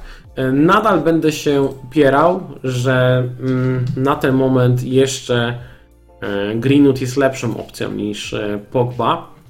Mm, Pogba statystyki ma naprawdę, naprawdę spoko. W tych pierwszych dwóch meczach 6 strzałów i 6 kluczowych podań. Natomiast 5 asyst to jest trochę przegięcie, biorąc pod uwagę, że ma expected assist 0,82. No, rzadko się zdarza, że ktoś ma 6 kluczowych podań i to się zamienia na 5 asyst. To jest naprawdę, to jest naprawdę sytuacja e, niebywała. I ciężko to będzie utrzymać, no mówmy się szczerze, no to, jest, to, nie jest, to nie jest normalne, że na przykład zawodnik zalicza 120 kluczowych podań i tego jest 100 asyst. No, gdyby tak było, to miałby w zeszłym sezonie 100 asyst. To to jest nierealne. Ehm, Dlatego wydaje mi się, że Pogba nie jest, nie jest jakąś wybitną opcją. Póki co punktuje, póki punktuje jest ok. Pewnie będzie grał regularnie i to jest powiedzmy przewaga nad Greenwoodem, który pewnie ma bardziej zagrożony skład miejsce wyjściowe 11 niż Pogba. Ale wydaje mi się, że na ten moment e, najlepsza trójka z United to jest właśnie Shaw, Bruno i e, Greenwood, a nie Pogba. E, kolejny zawodnik, Jota, Diogo Jota, który kolejny mecz z golem zaliczył. Tym razem zagrał 80 minut w meczu z Berni. Była bramka. Był CS-ik, wpadło 8 punktów, naprawdę sympatycznie, 16 punktów. Więc jeżeli ktoś zaryzykował z Rzotą, mówię zaryzykował, bo, bo jednak było jakieś tam ryzyko rotacji, to ryzyko rotacji nadal jest, to mimo wszystko można być zadowolonym z tego, jak to e, wyszło na starcie. Teraz mecze z Chelsea, Leeds, Crystal Palace i Brentford, więc no, Żota to jest e, taki zawodnik, e, który jeżeli go już macie w składzie, to zdajecie sobie sprawę z tego, że jakieś to ryzyko rotacji jest i, trzeba to brać na klatę. Jest oczywiście ryzyko, że tutaj właśnie w meczu z Chelsea na przykład zagra Firmino od pierwszej minuty, że Żota usiądzie, trzeba się z tym liczyć. Z drugiej strony, no nawet z ławki może jakieś punkty dać, więc jest to, jest to ciekawy wybór. Natomiast nie powiedziałbym, że Żota jest jakimś must have i to nie jest tak, że on będzie grał w każdym meczu po 80 minut i zawsze będzie strzelał bramki. Do tej pory 5 strzałów, dwa kluczowe podania, statystyki w porządku. Myślę, że tutaj nie ma co więcej rozmawiać na temat Diogo Rzoty. Następny zawodnik na watchliście u mnie to Rafinha. Rafinha, który kosztuje 6,5 miliona, strzelił teraz bramkę w ostatnim meczu z Evertonem. Bardzo ładne trafienie. I to jest to, o czym mówiłem, że Rafinha raczej nie powinniście się spodziewać po nim dwucyfrówek, ale on regularnie będzie dawał punkty. 8 punktów w dwóch meczach to jest naprawdę w porządku, jak na zawodnika w tej cenie i on sobie spokojnie te punkciki będzie E, dawał. Teraz mecze z Berlin, Liverpoolem, Newcastle, West Hamem, następnie Watford, Southampton, Wolverhampton i Norwich, więc kalendarz do 10 kolejki jest rewelacyjny. Jeżeli macie Rafinie, to, to nie ma co go ruszać, nie ma sensu go, go sprzedawać. Ja nawet myślę o tym, żeby go mm, kupić. Rafinie jest w grupie tych zawodników, którzy potencjalnie są zagrożeni tym, że nie zagrają w czwartej kolejce. Trzeba sobie z tego zdawać sprawę. To tyczy się też innych zawodników tam Między innymi Antonio może polecieć, zdaje się, na zgrupowanie i tak dalej. Jest, jest tych nazwisk więcej. Natomiast dlaczego chciałem wspomnieć o Rafini? Bo akurat w jego przypadku to chyba nie jest aż taki problem, bo w czwartej kolejce e, i tak Rafinha zagrałby z Liverpoolem, więc podejrzewam, że w wielu składach i tak by wylądował na, na ławce, więc ja bym się nie przejmował. Jeżeli chcecie brać Rafinie, to do tej dziesiątej kolejki to jest naprawdę w porządku, w porządku wybór. Jeżeli chodzi o statystyki, na, na starcie sezonu w tych pierwszych dwóch e, kolejkach. Rafinha oddał 8 strzałów i dorzucił dwa kluczowe podania, więc naprawdę nie można się tu niczego przyczepić. Mam na watchliście Dela Aliego, bo widziałem, że wiele osób, e, wiele osób też go obserwuje. On kosztuje 6,5 miliona. Y, Takim, taką rzeczą, która się rzuciła w oczy, było to, że wykonywał rzut karny w meczu z Wolverhampton. Natomiast y, ten, ten plus jakby szybko zostanie zniwelowany, gdy pojawi się na boisku Hurricane, bo nie wyobrażam sobie sytuacji, w której Ali jest pierwszym wykonawcą rzutów karnych przed Harrym Kane'em. To jest chyba e, nierealne. E, jeżeli chodzi o kalendarz Tottenhamu, oczywiście wygląda to dobrze. E, Watford, Crystal Palace, Chelsea, Arsenal, Aston Villa, Newcastle. Natomiast Ali generalnie nie gra zbyt, zbyt wysoko. Gra dosyć głęboko, bym powiedział. Gra jest gra taka, taką ósemkę, można powiedzieć wręcz w Tottenhamie. Jeżeli sobie spojrzycie na te statystyki w pierwszych e, dwóch meczach, to on dał tylko jeden strzał i to był właśnie ten strzał z rzutu karnego, zero, zero kluczowych podań, więc e, szczerze mówiąc ten Dela Ali wylądował u mnie na watchliście głównie po to, żeby wam powiedzieć, że raczej na waszym miejscu bym go z tej watchlisty usunął. To nie jest wybitna, to nie jest wybitna opcja do, do składu, takie jest moje e, zdanie. Patrząc na to, że w tej samej cenie można mieć Rafinie, to ja bym się nawet nie zastanawiał i wolałbym mieć Rafinie albo, albo Benramę, który też jest e, tańszy od Del Aliego. Teraz przechodzimy do progu 6 milionów lub niżej. E, wrzuciłem tutaj kilka nazwisk. E, dlaczego aż tyle wrzuciłem nazwisk? To nie jest tak, że ten próg obfituje w jakieś wybitne opcje, ale wiem, że niektórzy szukają kasy na droższych napastników, na Lukaku, na Keina mm, i stwierdziłem, że sobie przeanalizujemy niektóre z tych opcji budżetowych w pomocy. Pierwszy na liście jest Pascal Gross. Pascal Gross, e, który zdobył 12 punktów, ma już dwie asysty. Jeżeli ktoś z Was gra troszkę dłużej w FPL-a, na, na pewno pamiętacie sezon jego pierwszy w, w Premier League, gdy był w pewnym momencie taką wręcz rewelacją, bo zaczął dobrze punktować e, w dosyć, to nie był długi okres, ale zaczął dobrze punktować, często łapał bonusy, E, do tego stopnia, że w przegranym meczu z Manchesterem United na Old Trafford, jeżeli dobrze pamiętam, Pascal Gross zgarnął 3 punkty bonusowe, nawet pomimo tego, że nie zagrał, e, nie strzelił ani gola, ani też nie zaliczył asysty. Po prostu dobrze w te BPS-y się wpasował, to była taka dosyć zabawna historia.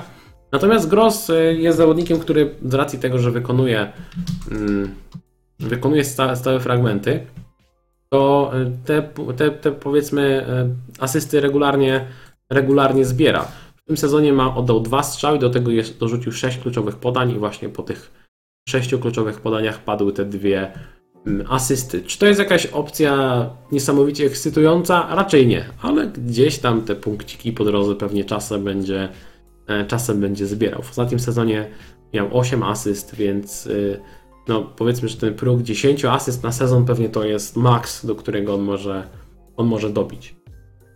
Mm, kolejne nazwisko za 6 milionów to Ismaila Sar, który w ostatnim meczu z Brighton zaliczył Blanka, a wcześniej strzelił gola z Aston Villą. Jeżeli sobie spojrzymy na kalendarz Watfordu, teraz mecz z Tottenhamem, który jest najtrudniejszym z tych, które czekają Watford w najbliższym czasie. Później mecze z Wolverhampton, Norwich, Newcastle i Leeds, więc do siódmej kolejki kalendarz e, bardzo dobry. Patrząc na statystyki e, Sara, na, na starcie sezonu w tych pierwszych dwóch kolejkach. 5 strzałów, 6 kluczowych podań. Bardzo solidnie jak na zawodnika za, za 6 milionów. Nie da się ukryć, że to jest największa gwiazda Watfordu, taki najważniejszy zawodnik w ofensywie, więc e, z jednej strony, jeżeli coś będzie się działo w ofensywie, to z reguły Star powinien mieć w tym udział. Z drugiej strony, rywale na pewno zdają sobie sprawę z tego, że jeżeli wyłączą z gry Ismaila Sara, no to można to stosunkowo łatwo zatrzymać ten Watford. Więc to jest taki plus, który niekiedy może być e, minusem. Zobaczymy na ile sobie będzie Star radził. E, kolejny zawodnik, taki dosyć może nietypowy pik, bo to Pablo Fornals, e, który kosztuje 6 milionów. Wiem, że każdy z West Hamu się rzucił na Antonio i rzucił się na Benramę, ale bardzo, do, bardzo podoba mi się na boisku Pablo Fornals. Naprawdę świetny te dwa mecze. Zaliczył gola, zaliczył asystę, łącznie 13 punktów. Mm, można powiedzieć, że praktycznie nie popełnia błędów na boisku. E, gra bardzo rozsądnie, z reguły dokonuje bardzo dobrych wyborów. Mm, no i też e, Mois jest wielkim fanem e, Fornalsa. Praktycznie no, gra, gra regularnie. W zeszłym sezonie uzbierał ponad 2500 minut, miał 5 goli, 7 asyst, więc jakiś ten potencjał w ofensywie jest. Kalendarz West Hamu, Crystal Palace, Southampton United, Leeds. Więc zwłaszcza te pierwsze dwa mecze jeżeli ktoś szuka różnicy, bo, bo wiecie, teraz każdy będzie miał tego Antonio i Benramę E, Może nie głupim pomysłem, choć bardzo ryzykownym, jest do, dorzucenie do tej dwójki jeszcze dodatkowo Pablo Fornalsa.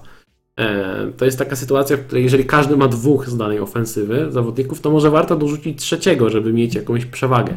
Nie mówię, że to jest jakiś super rozsądny, no bo stawianie na trzech zawodników ofensywnych z jednej drużyny to jest spore ryzyko. No jeżeli West Ham nie strzeli bramki, to nagle macie trzech zawodników z blankiem. No i zmienia faktu, że Fornals jest jakąś tam dosyć ciekawą opcją moim zdaniem. Hmm, Jeżeli sobie spojrzycie na statystyki, to w tych dwóch meczach Fornals oddał 3 strzały i dorzucił 7 kluczowych podań, więc e, te, ten gol i te, ta asysta nie wzięły się znikąd. To jest naprawdę ciekawy wybór. Mam Adamę Traore na watchliście. Pomimo tych dwóch blanków e, nie mogłem go nie dodać na watchlistę. Mm, Kalendarz teraz United, a następnie Watford, Brentford, Southampton, Newcastle, Aston Villa, Leeds, więc kalendarz Adamy Traore wygląda świetnie. E, Jeżeli sobie spojrzymy na statystyki, no to tutaj aż dziw bierze, że Traore ma dwa blanki, bo on w tych pierwszych dwóch meczach oddał 10 strzałów i dorzucił 5 kluczowych podań. Łączny expected goals 1,45, expected assist 0,24, więc tu mogło być spokojnie bramka lub dwie. Do tego pewnie mógł też dorzucić asystę. Naprawdę y, aż może głowa niekiedy boleć, patrząc na to, jakie sytuacje marnuje Adama Traore. E, Co oczywiście nie zmienia faktu, że zawodnik, który dochodzi do takiej liczby sytuacji, który jest tak szybki, którego tak ciężko upilnować, m, będzie miał w końcu taki mecz, w którym piłka na nodze mu siądzie i on załaduje 2-3 bramki. Bo, bo ma taki potencjał, więc e, nie zdziwi mnie to, jeżeli na przykład w pierwszy, następnych, przepraszam, trzech, czterech kolejkach Adama Traore zrobi jakąś dwucyfrówkę. Pytanie, ile jesteście w stanie wytrzymać jego blanków w sytuacji, gdy, w sytuacji, gdy on idzie sam na sam, powiedzmy, w każdym meczu i tę sytuację marnuje. Także jeżeli ktoś jest cierpliwy albo po prostu nie ogląda meczów Wolverhampton, nie ogląda skrótów i nie obchodzi go to, e, nie boli go, go widok właśnie marnowanych sytuacji, to Adama Traore jest e, ciekawą opcją. Tylko jeszcze dodam, że są pewne plotki, nie wiadomo na ile to jest poważne, a ile nie, że e, Nuno Espirito Santo e, chce Traore w, w Tottenhamie.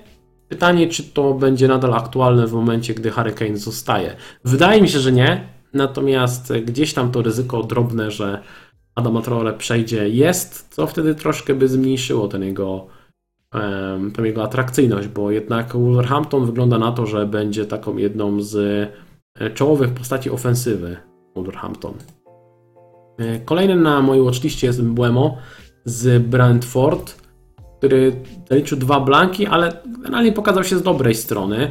E, Kalendarz Aston Villa, Brighton, Wolverhampton, Liverpool, więc e, te pierwsze trzy mecze teraz powiedzmy są w porządku, później się to zagęszcza. No jest Liverpool, West Ham, Chelsea, Leicester, więc bez, bez szału, chociaż nawet myślę, że nawet w meczach z trudniejszymi rywalami Mbeumo może być ciekawą opcją, bo patrząc na taki Brentford, często wygląda to tak, że Iwan Toni się mm, cofa, wchodzi dosyć głęboko, a Mbeumo wbiega na pozycję środkowego napastnika, bo, bo gra obok Toneja e, i jest, e, i jest często najwyżej ustawionym zawodnikiem na boisku. Dochodzi to do wielu sytuacji. W pierwszych dwóch meczach oddał 5 strzałów i do tego dorzucił 4 kluczowe podania, więc tutaj też jak najbardziej mogły już jakieś punkty z przodu być. Ten gość ma, e, ma potencjał i dorzuciłem jeszcze dwie opcje z Evertonu. Oczywiście myśląc o Evertonie, każdy z nas e, rozważa Calberta Luina, do którego przejdziemy za chwilę. Za chwilę sobie porozmawiamy na temat ataku. Natomiast dwie opcje chciałem dorzucić e, z pomocy. Pierwszą z nich jest Dukure, o którym wspominałem już ostatnio po pierwszym meczu, że podoba mi się to, jak jest ustawione, że gra dosyć wysoko. To można powiedzieć zaprocentowało, teraz dorzucił asystę, więc łącznie 12 punktów Dukure. To jest gość, który ma, ma spory potencjał. O tym już mówiłem, że on w Watfordzie grywał niekiedy jako taka dziesiątka za napastnikiem, za Dinejem i naprawdę mm, wyglądało to bardzo dobrze. Wydaje mi się, że może też e, dobrze punktować teraz w tym ustawieniu Evertonu, bo e, pełni ważną rolę e, w ofensywie. Często wchodzi po prostu w pole karne, a jeżeli model gry, e, po- sposób na grę Evertonu polega na tym, że te piłki są kierowane w pole karne, jest dużo wrzutek, to taki Ducouré może jak najbardziej e, coś, e, coś dać. E, 5 strzałów do tej pory, jedno kluczowe podanie, więc no, ktoś może powiedzieć, że dosyć szczęśliwe te punkty, bo zwłaszcza patrząc na expected goals i expected assist, bo ma expected goals 0,11, expected assist 0,09, więc e, w teorii miał sporo szczęścia, a w praktyce patrząc na jego, boi, na jego pozycję na boisku, to widać, że tu jest potencjał na, na punkty i dodałem sobie na watchlistę Demeraja Greya, który strzelił bramkę w meczu z Leeds. E, jest pewne ryzyko rotacji, bo wydaje się, że e, Póki co pewniakami do gry w ofensywie są oczywiście Calvert-Lewin Richarlison. I zostaje jedno skrzydło. I tam na, na, rywalizują o to miejsce e, Demarai Gray, e, Iwobi i Townsend. Więc jest trzech zawodników na jedno miejsce, można powiedzieć. Ale Demarai Gray póki co wygląda naprawdę dobrze. E, jest to jest to moim zdaniem bardzo ciekawy transfer, bo Demarai Gray e, swego czasu wydawało się, że ma spory potencjał, gdy wchodził do, do Leicester. Gdzieś tam po drodze przepadł. I kto wie, może właśnie w Evertonie się e, odbuduje. W tych pierwszych dwóch meczach jeden strzał, dwa kluczowe podania, więc to absolutnie nie jest jakaś opcja must have i niesamowity styl w tej cenie. To nie jest gość, który będzie strzelał co mecz. Natomiast warto go obserwować i, i zobaczymy, jak to będzie wyglądało. To chyba tyle, jeżeli chodzi o moich zawodników na, na watchliście pomocników, których mam. Jeżeli macie jakieś pytania dotyczące pomocy, dajcie znać, postaram się na nie odpowiedzieć, a później przejdziemy sobie do e, ataku. E, było po drodze pytanie, e, czy Havertza wymienić na Benramę. Wiesz co, myślę, że to jest niezły pomysł, zwłaszcza, że możesz uwolnić dużo kasy, którą pewnie da się wykorzystać da się wykorzystać na innych pozycjach. Może Ci się uda, nie wiem, wzmocnić atak albo E, jednego z napastników zamienić na, na Lukaku czy kogoś takiego. To może być, albo na Keina. Może być ciekawy pomysł. Hmm. O, proszę, Kane już dwie bramki w kwalifikacjach Ligi i Konferencji. No nie śledzę, także no proszę. E, no tak, będą, będą problemy z ułożeniem pomocy i ataku, jeżeli, jeżeli będzie tyle opcji premium, to prawda. Czy trzymać Madisona? O, wiesz co, szczerze mówiąc, Leicester, nie podoba mi się za bardzo gra ofensywna Leicester. Więc e, no, zatrzymałbym na ten najbliższy mecz, na pewno. Jeżeli będzie zdrowy, gotowy do gry i tak dalej, tutaj trzeba śledzić newsy, bo, bo może się okazać, że nie wiem, odpukać wypadnie w ostatniej chwili. Ale jeżeli będzie zdrowy, gotowy do gry, to na mecz z Norwich bym go zostawił, a później pewnie bym go opchnął. E, tutaj Patryk zwraca uwagę na to, że Żota z ławki nawet lepiej punktował w zeszłym sezonie. Tak, ale myślę, że też było w tym troszeczkę troszeczkę szczęścia. Były takie sytuacje, gdzie Żota wchodzi z ławki, oddawał dwa strzały i strzelił dwie bramki, a w następnym meczu od pierwszej minuty oddawał pięć strzałów, z tego trzy setki i, i nie strzelał. No, to jest, e, tak już bywa po prostu. O Jimenezie porozmawiamy, porozmawiamy sobie za chwilę, teraz przejdziemy do ataku. E, co z Bowenem? E, wiem, że ma dobry kalendarz i stałe fragmenty gry, ale irytuje brak punktów w pierwszych kolejkach i spadek ceny. No wiesz co, możemy sobie zerknąć w ogóle na statystyki Bowena.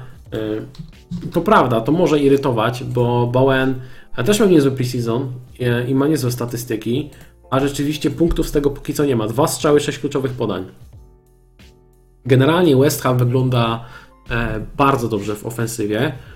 Szczerze mówiąc, gdybym miał Bowena, to pomyślałbym o takim rozwiązaniu, jak proponowałem w przypadku Fornalsa, czyli chyba bym tego Bowena nie wywalał, ale rozważałbym do kupienia Antonio i Benramy, czyli Możliwe, że zostawiłbym sobie tego Bowena jako różnicę. Na zasadzie, jeżeli będzie West Ham grał świetnie w ofensywie i będą punktować, wiele, wiele zawodników będzie punktować, to Bowen też może swoje dorzucić. Natomiast nie, nie, nie trzymałbym się kurczowo tego, że mam Bowena, to już na pewno nie kupię Benramy, bo to może zaboleć. Zaraz sobie pogadamy na temat e, Jimeneza. O Tangandze nie wiem, czy mam pewny skład. Przed chwilą rozmawialiśmy o defensywie. Mm, możesz sobie, możesz sobie odwinąć, nie mam pewności, czy będzie miał pewny skład, szczerze mówiąc. Głowę sobie obciąć, za to nie dam. Eee, czy masz pomysł e, jakiś co z West Hamem w momencie startu Ligi Europy? Póki co takie mocno życzeniowe myślenie z mojej strony jest takie, że West Ham, jeżeli nie poszerzy sobie tej kadry, to chyba powinien grać e, mocno rezerwowym składem w Lidze Europy, bo, bo inaczej sobie tego nie wyobrażam. Nie, nie jestem w stanie sobie wyobrazić, że e, West Ham gra tym, tym samym składem, tą samą ekipą, zarówno w lidze, jak i w lidze Europy, to by zabiło tych zawodników, można powiedzieć. A no widzisz, Marek, nie zmieścisz. No to wiesz co, to jeżeli nie zmieścisz, bo zakładam, że pewnie masz kogoś jeszcze z Hamu pewnie jakiś Cowal albo Cresswell albo ktoś, no to chyba bym zamienił tego e, Bowena na, na Benramę. Tak mi się wydaje, chociaż takie, takie ruchy zawsze bolą. Ja wiem, że to zawsze boli, bo e, był sezon wcześniej, dwa sezony wcześniej miałem sytuację, gdzie miałem Rashforda e, z United, też miałem potrojony United, też już nie mogłem dokupić i nie brałem Greenwooda i tak się trochę upierałem i go nie brałem, a Greenwood wtedy 10 bramek strzelił w kilka kolejek, więc to są zawsze bolesne sytuacje. E, zaraz sobie porozmawiamy o napastniku. Dobra, pytacie o napastników, to nie będę przedłużał. Idziemy do, idziemy do ataku. Zacznę od dwóch napastników, których mam w składzie. Dwóch, no bo nie będę nic mówił na temat Roberta Streeta, e, napastniku Crystal Palace. E, do, do przedwczoraj nie wiedziałem, że ktoś taki istnieje. To jest po prostu placeholder, taki zapychacz. Natomiast mam dwóch napastników i jeden jest moim zdaniem świetnym wyborem, drugi niekoniecznie. Danny Inks to jest właśnie ten wybór niekoniecznie dobry. E, bardzo fajnie, że dał 15 punktów, strzelił dwie bramki, cieszy mnie to e, niesamowicie.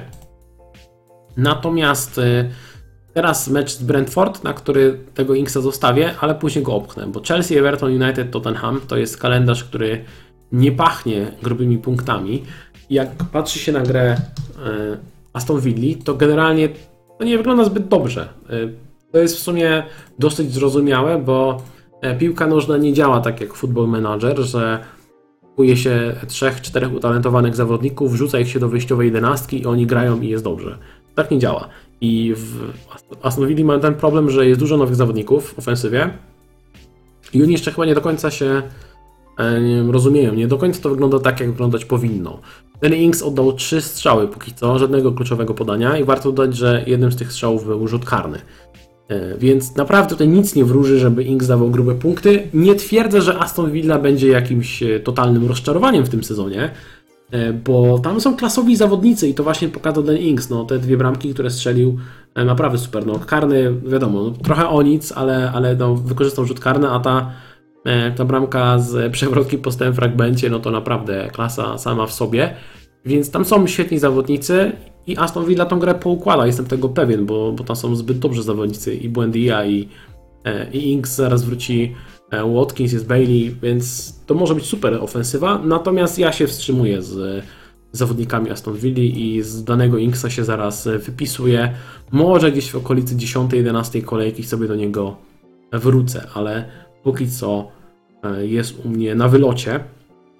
Natomiast nigdzie nie rusza się Antonio, chyba że, chyba że mowa o tym, że ma wsiąść e, samolot i polecieć, odebrać złotą piłkę, bo, bo w takiej aktualnej formie myślę, że jak najbardziej jest kandydatem.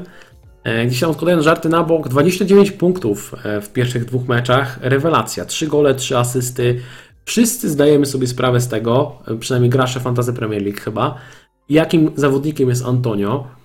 E, że gdy jest zdrowy, naprawdę potrafi świetnie punktować i no, stwarza niesamowity problem obrońcom, ale takiego startu to chyba nikt się nie spodziewał. No naprawdę, naprawdę rewelacja i to nie jest tak, że te punkty wzięły się e, z przypadku. E, absolutnie nie. On po prostu wygląda rewelacyjnie na boisku jest e, nie do zatrzymania. 11 strzałów, 3 kluczowe podania. Oczywiście te statystyki są nieco podbite przez rzut karny, którego nie wykorzystał. No, co nie zmienia faktu, że naprawdę Antonio jest w niesamowitej formie. E, z drugiej strony muszę dodać, muszę dodać e, jedną rzecz. Po pierwsze, pierwszy mecz West Hamu z Newcastle. Newcastle poszło na wymianę ciosów, co jest dosyć nietypowe i ten mecz był bardzo otwarty. Ten mecz z taką liczbą strzałów nie było dawno w Premier League. E, więc można powiedzieć, że w tym meczu z Newcastle West Ham miał trochę łatwiej, bo mm, no, mogli grać z kontry i to jest coś, co West Hamowi e, leży.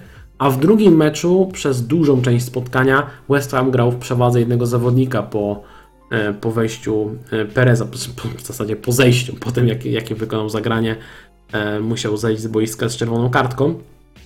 Więc troszeczkę było tutaj um, może nie tyle szczęścia, co taki zbieg okoliczności sprawił, że West Ham strzelił aż 8 bramek w tych dwóch meczach. Nie wydaje mi się, żeby to było codziennością, że West Ham będzie strzelał po 4 bramki, a Antonio będzie oddawał 7 strzałów jak w meczu z Leicester. To jest, to jest nierealne.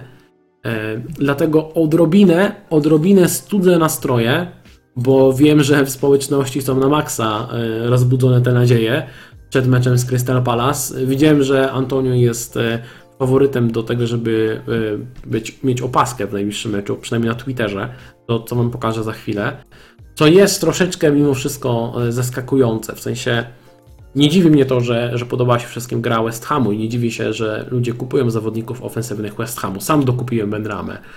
Natomiast y, czy dałbym opaskę Antonio, wiedząc, że mimo wszystko to jest tylko West Ham, wiedząc, że no to tylko i aż, no zależy jak na to spojrzeć. West Ham w zeszłym sezonie e, walczył przez dużą część sezonu o top 4. E, I, ale też wiem, że no, Antonio jest zawodnikiem, który niestety w każdej chwili może się złapać za udo i zejść z boiska. I to jest też coś, co mnie troszkę, e, troszkę odpycha przed tym, przed tym wyborem. Niemniej Antonio, no, świetna opcja do składu. Jeżeli bym go nie miał, to, to za wszelką cenę by próbowałbym go upchnąć. E, i z pewnością też jest e, jedną z najlepszych opcji na, na opaskę w najbliższym meczu. E, czy najlepszą, no to już tutaj jest wasza decyzja, wasza decyzja. Ja sam szczerze mówiąc nie wiem jeszcze komu dam opaskę. Przechodzimy do watchlisty. No i na tej watchliście musiał wylądować Harry Kane. Po tym jak ogłosił, że zostaje w Tottenhamie. Zdążył spaść ceną dwukrotnie, teraz kosztuje 12,3 miliona. Pytanie, czy to nadal nie jest troszkę wygórowana cena? Mm, poprzedni sezon miał rewelacyjny, 23 gole, 14 asyst. Natomiast czy on jest w stanie powtórzyć tak dobry sezon? Obawiam się, że nie. Obawiam się, że nie. Jestem ciekaw, jak zareaguje Harry Kane na to, że został w klubie. Oczywiście ja mm, gdzieś tam nie kwestionuję to, że jest profesjonalistą, że, że chce strzelać jak najwięcej goli i tak dalej, tak dalej. Y, co nie zmienia faktu, że gdy, gdy próbowałeś i chciałeś odejść z klubu, a potem okazuje się, że musisz zostać jeszcze chociaż ten jeden sezon, to nie jest chyba taka sytuacja, z którą można sobie bardzo łatwo poradzić i jestem ciekaw właśnie, jak to będzie wyglądało w tym, w tym, w tym sezonie. Ale pamiętajcie, że w sumie my w FPL-u nie bierzemy zawodnika na cały sezon, tylko bierzemy zawodnika na kilka kolejek. A patrząc na najbliższe dwie kolejki, Watford, Crystal Palace, nie zdziwi mnie tutaj, nie wiem, dwa dublety Keina, szczerze mówiąc. Jak najbardziej może nastrzelać i na pewno Kane jest ciekawą różnicą, bo jego posiadanie wynosi teraz niecałe 8%. Tak jak mówię, wiele osób go sprzedało, on spadł z ceną, e, a wygląda na to, że wyjdzie w pierwszym składzie na mecz z Watford i później z Crystal Palace, więc wydaje mi się, że Harry Kane jest chyba najciekawszą różnicą na najbliższe e, dwie kolejki. To jest bardzo, bardzo, bardzo ciekawy wybór. E, widziałem pomysły, o czym już wspominałem wcześniej, żeby zamienić Salaha i jednego z napastników na Kane'a właśnie i dać mu opaskę odważny pomysł, ale to się może udać, zwłaszcza jeżeli ktoś e, wie, że będzie na 100% grał za chwilę dziką kartę, to myślę, że jak najbardziej Kane ma szansę zdobyć więcej punktów w meczu z Watford niż Salah w meczu z Chelsea. Jest to dosyć, dosyć e, prawdopodobne. Kolejny zawodnik, o którym trzeba wspomnieć, to Romelu Lukaku, który e, zdemolował Arsenal. Naprawdę niesamowicie imponujący występ Lukaku. Niby tylko bramka i tylko 8 e, punktów, ale um, szczerze mówiąc, pierwsze moje wrażenie, gdy zobaczyłem Lukaku, bo powiecie, zdajecie sobie sprawę z tego na pewno, jeżeli oglądacie też inne ligi, że e, w każdej lidze te kamery wyglądają troszkę inaczej, zawodnicy w kamerach wyglądają trochę inaczej. I, i często jest tak, że ktoś wygląda, mm, jego, jego postura wygląda inaczej w meczu mm, innej ligi albo w meczu Ligi Mistrzów, a inaczej w meczu Premier League. I gdy zobaczyłem w pierwszych minutach, jak wygląda Lukaku, gdy już zobaczyłem to w kamerach Premier League, to byłem w szoku. Byłem w szoku to, jak on wygląda, bo e, oczywiście zdawałem sobie sprawę z tego, że jego, jego dyspozycja fizyczna jest znacznie lepsza niż gdy odchodził z, e, z United, ale to, co zobaczyłem na boisku, to on było naprawdę mega, mega imponujące. Tak e, smukłego, wysportowanego, szybkiego, dynamicznego Lukaku przy jednocześnie olbrzymiej sile to ja nie widziałem w, w Premier League, nawet w najlepszych czasach, gdy grał w Evertonie, a przypominam, e, zdobył 20, 221 e, punktów w sezonie 16-17, wtedy miał 25 goli i 6, 6 asyst. Czy może ten rezultat poprawić w Chelsea? Nie mam absolutnie żadnych wątpliwości, że że może. Jedyna taki, taki mały minusik, taka adnotacja e, dotyczy tego, jaki jest aktualny kalendarz Chelsea, czyli mecze z Liverpoolem, Aston Villą, Tottenhamem i Manchesterem City. To nie są najłatwiejsze mecze, jest to, jest to prawdopodobnie z naj, najtrudniejszych kalendarzy spośród wszystkich ekip Premier League aktualnie, patrząc na te najbliższe cztery spotkania. To jest pierwsza rzecz. E, Druga rzecz, prawdopodobnie w żadnym z tych spotkań nie dacie mu opaski, bo, bo w tym meczu w czwartej kolejce, gdy wydaje się, że można by dać e, Lukaku opaskę, e, warto zwrócić uwagę na to, że mm, w tej, w tej samej kolejce e, Salah gra z Leeds, a Bruno gra z Newcastle. I pytanie, czy Leeds lub Newcastle są łatwiejszymi rywalami, czy Aston Villa dla, dla Lukaku. No to jest kwestia do, do, do zastanowienia. Albo na przykład Kane gra z Crystal Palace. To też może być przypadkiem lepszy mecz. Przypominam zeszły sezon mecz z Crystal Palace. Kane chyba wtedy hat-tricka załadował, jeżeli się nie mylę. E, Co nie zmienia faktu, że Lukaku jest bardzo dobrą opcją i nie dziwi mnie, że tak wiele osób go e, kupuje. Z pewnością wyląduje u mnie w składzie. Natomiast ja przymierzam go dopiero od e, siódmej kolejki, wiedząc, że pewnie do tego czasu, no co, dwie, trzy bramki może spokojnie strzelić w tych czterech meczach. No i pewnie podskoczy z ceną. Jeszcze tylko rzut oka na te statystyki. E, Wiem, że to był tylko jeden mecz i nie ma tutaj co, co udawać, że te statystyki zostaną utrzymane przez cały sezon, bo to jest e, nierealne. Przecież e, nie będzie Chelsea grała co tydzień z Arsenalem. Natomiast 8 strzałów, 3 kluczowe podania, expected goals 1,73, expected assist 0,54. Spokojnie mógł mieć dwie bramki i asystę. Spokojnie w, tym, w tym meczu. I jeszcze chciałem zwrócić uwagę na jedną rzecz, m, że Lukaku generalnie jest bardzo skutecznym zawodnikiem. Jeżeli sobie spojrzymy na te e, poprzednie 7 sezonów, e, to on w tym czasie, w zasadzie 8 licząc ten sezon, e, co teraz się zaczął, to on w tym czasie strzelił 129 bramek w Premier League i w Serie A przy expected goals 123,7.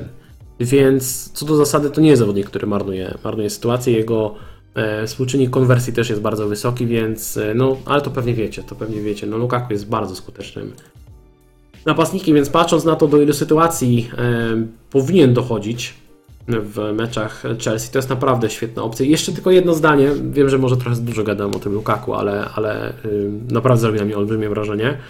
Y, Zwróciłem uwagę, zdaje się, że Tuchel po meczu y, powiedział coś y, w stylu, że mm, jeszcze nie, nie omawiał z Lukaku szczegółów tego, jak powinna wyglądać jego gra y, na boisku.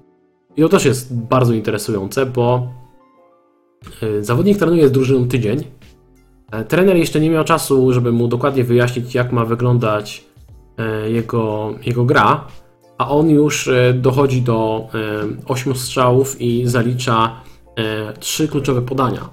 Jestem ciekaw, jak będzie wyglądała gra Lukaku w momencie, gdy już cała drużyna będzie pod niego poukładana, bo on tak wskoczył, to wyglądało jakby, jakbyście wiecie, układali puzzle i nagle znajd- znajdujecie ten idealny kawałek, który idealnie pasuje w miejsce, którego brakowało. Tak to wyglądało z wejściem Lukaku do, do, do Chelsea i wydaje mi się, że może być jeszcze lepiej e, w najbliższym czasie. Ale no zobaczymy. Szczerze mówiąc, e, jako kibic Arsenalu byłem przerażony patrząc na Lukaku w poprzednim meczu.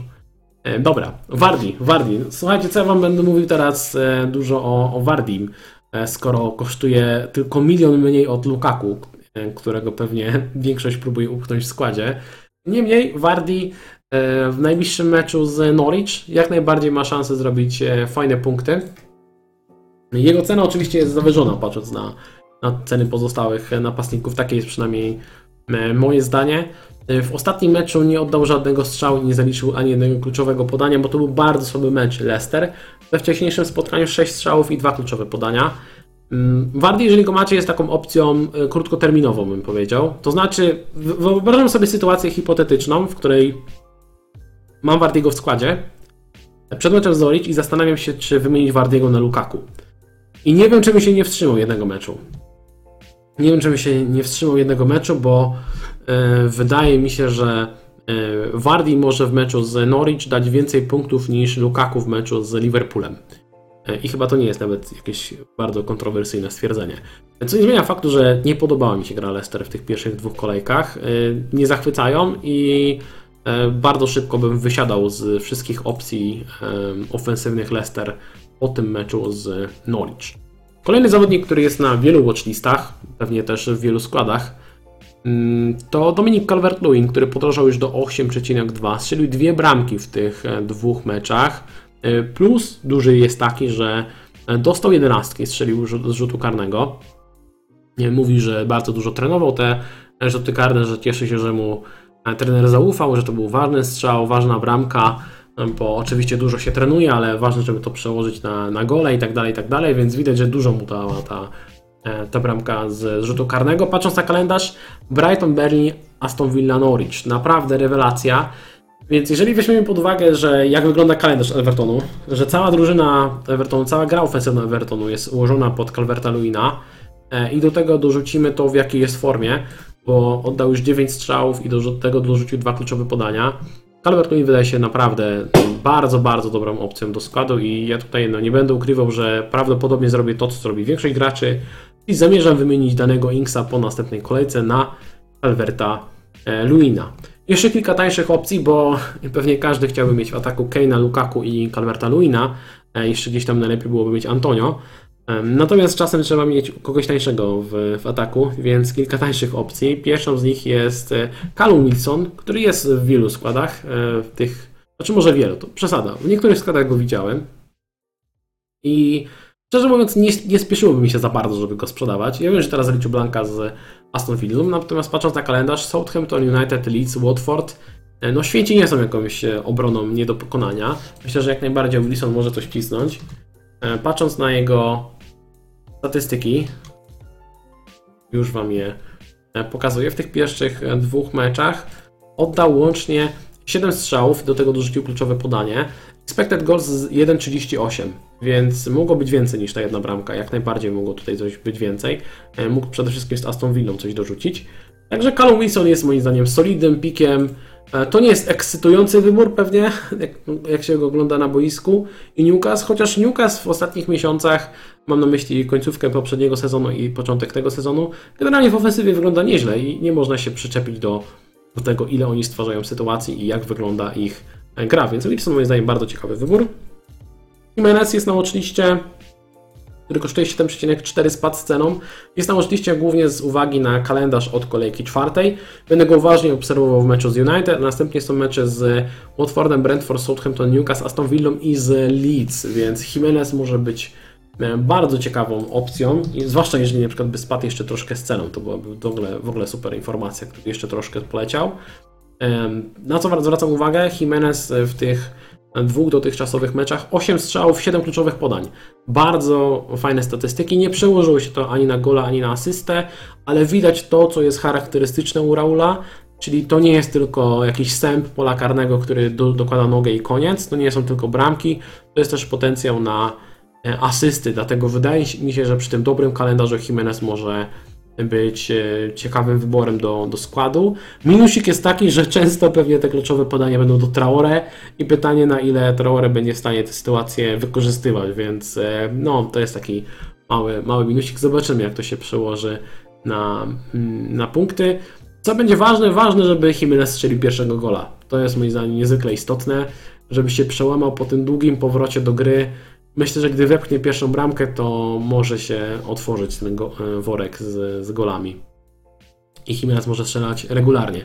Jeżeli jeszcze tańszych opcji, moim zdaniem jedną z najlepszych opcji budżetowych, jednym z najlepszych wyborów tych tanich do ataku jest aktualnie Adam Armstrong, który bardzo mi się podoba.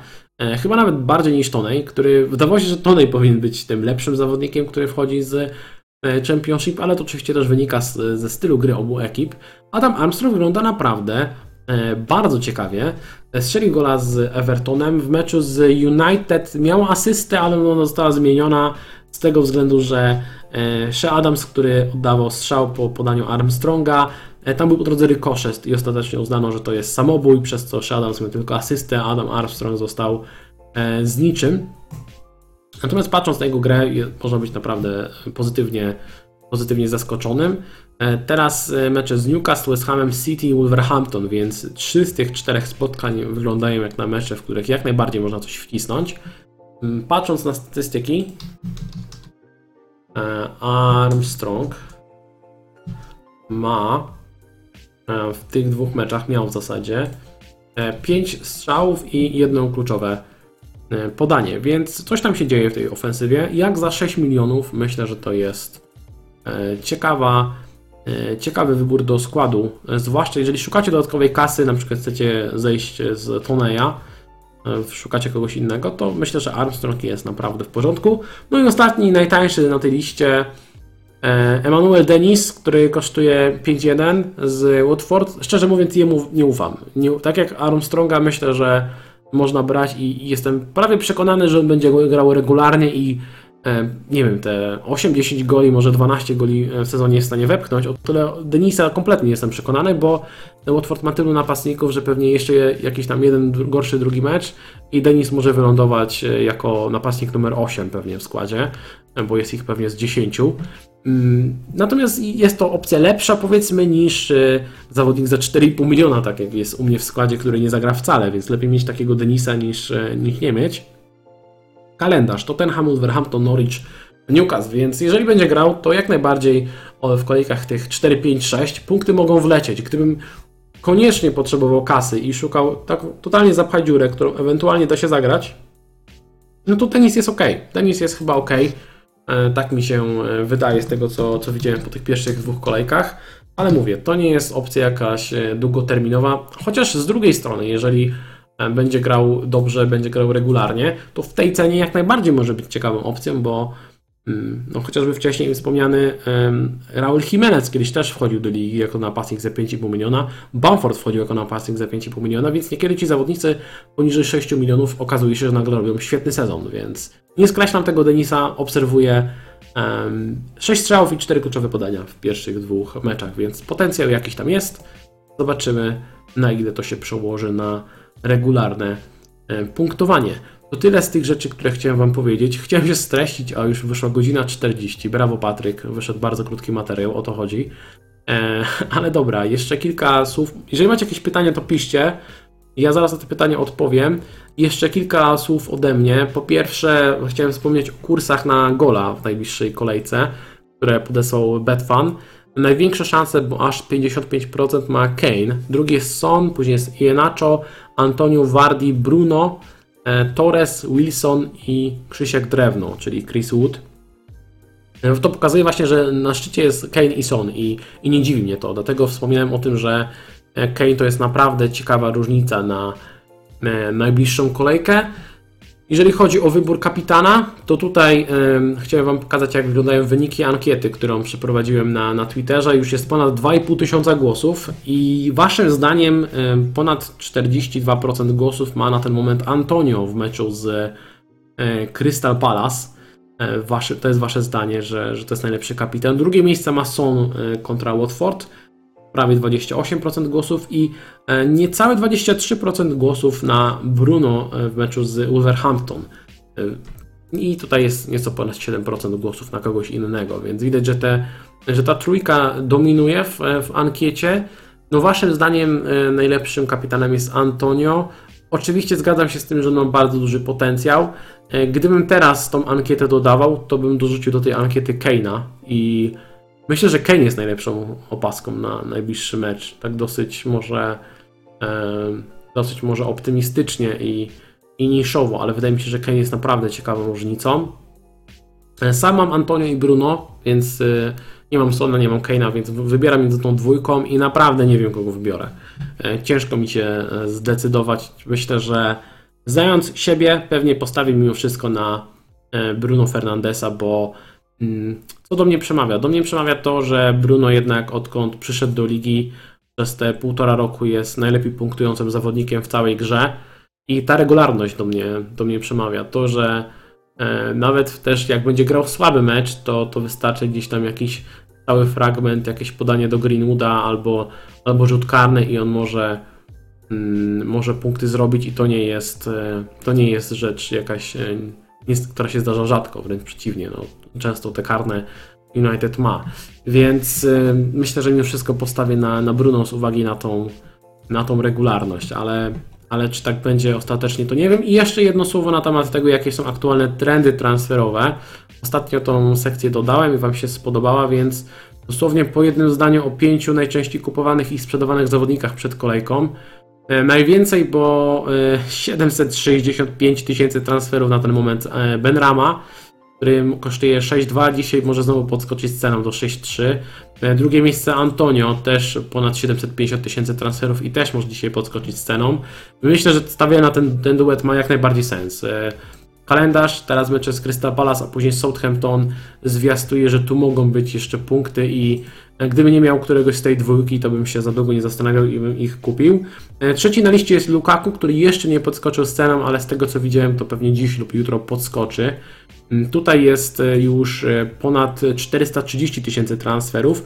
Lukaku, tak jak mówię, występ rewelacyjny na pewno będzie ciekawą opcją. Pytanie, czy przy tym kalendarzu jest lepszą opcją od Bruno lub Salaha.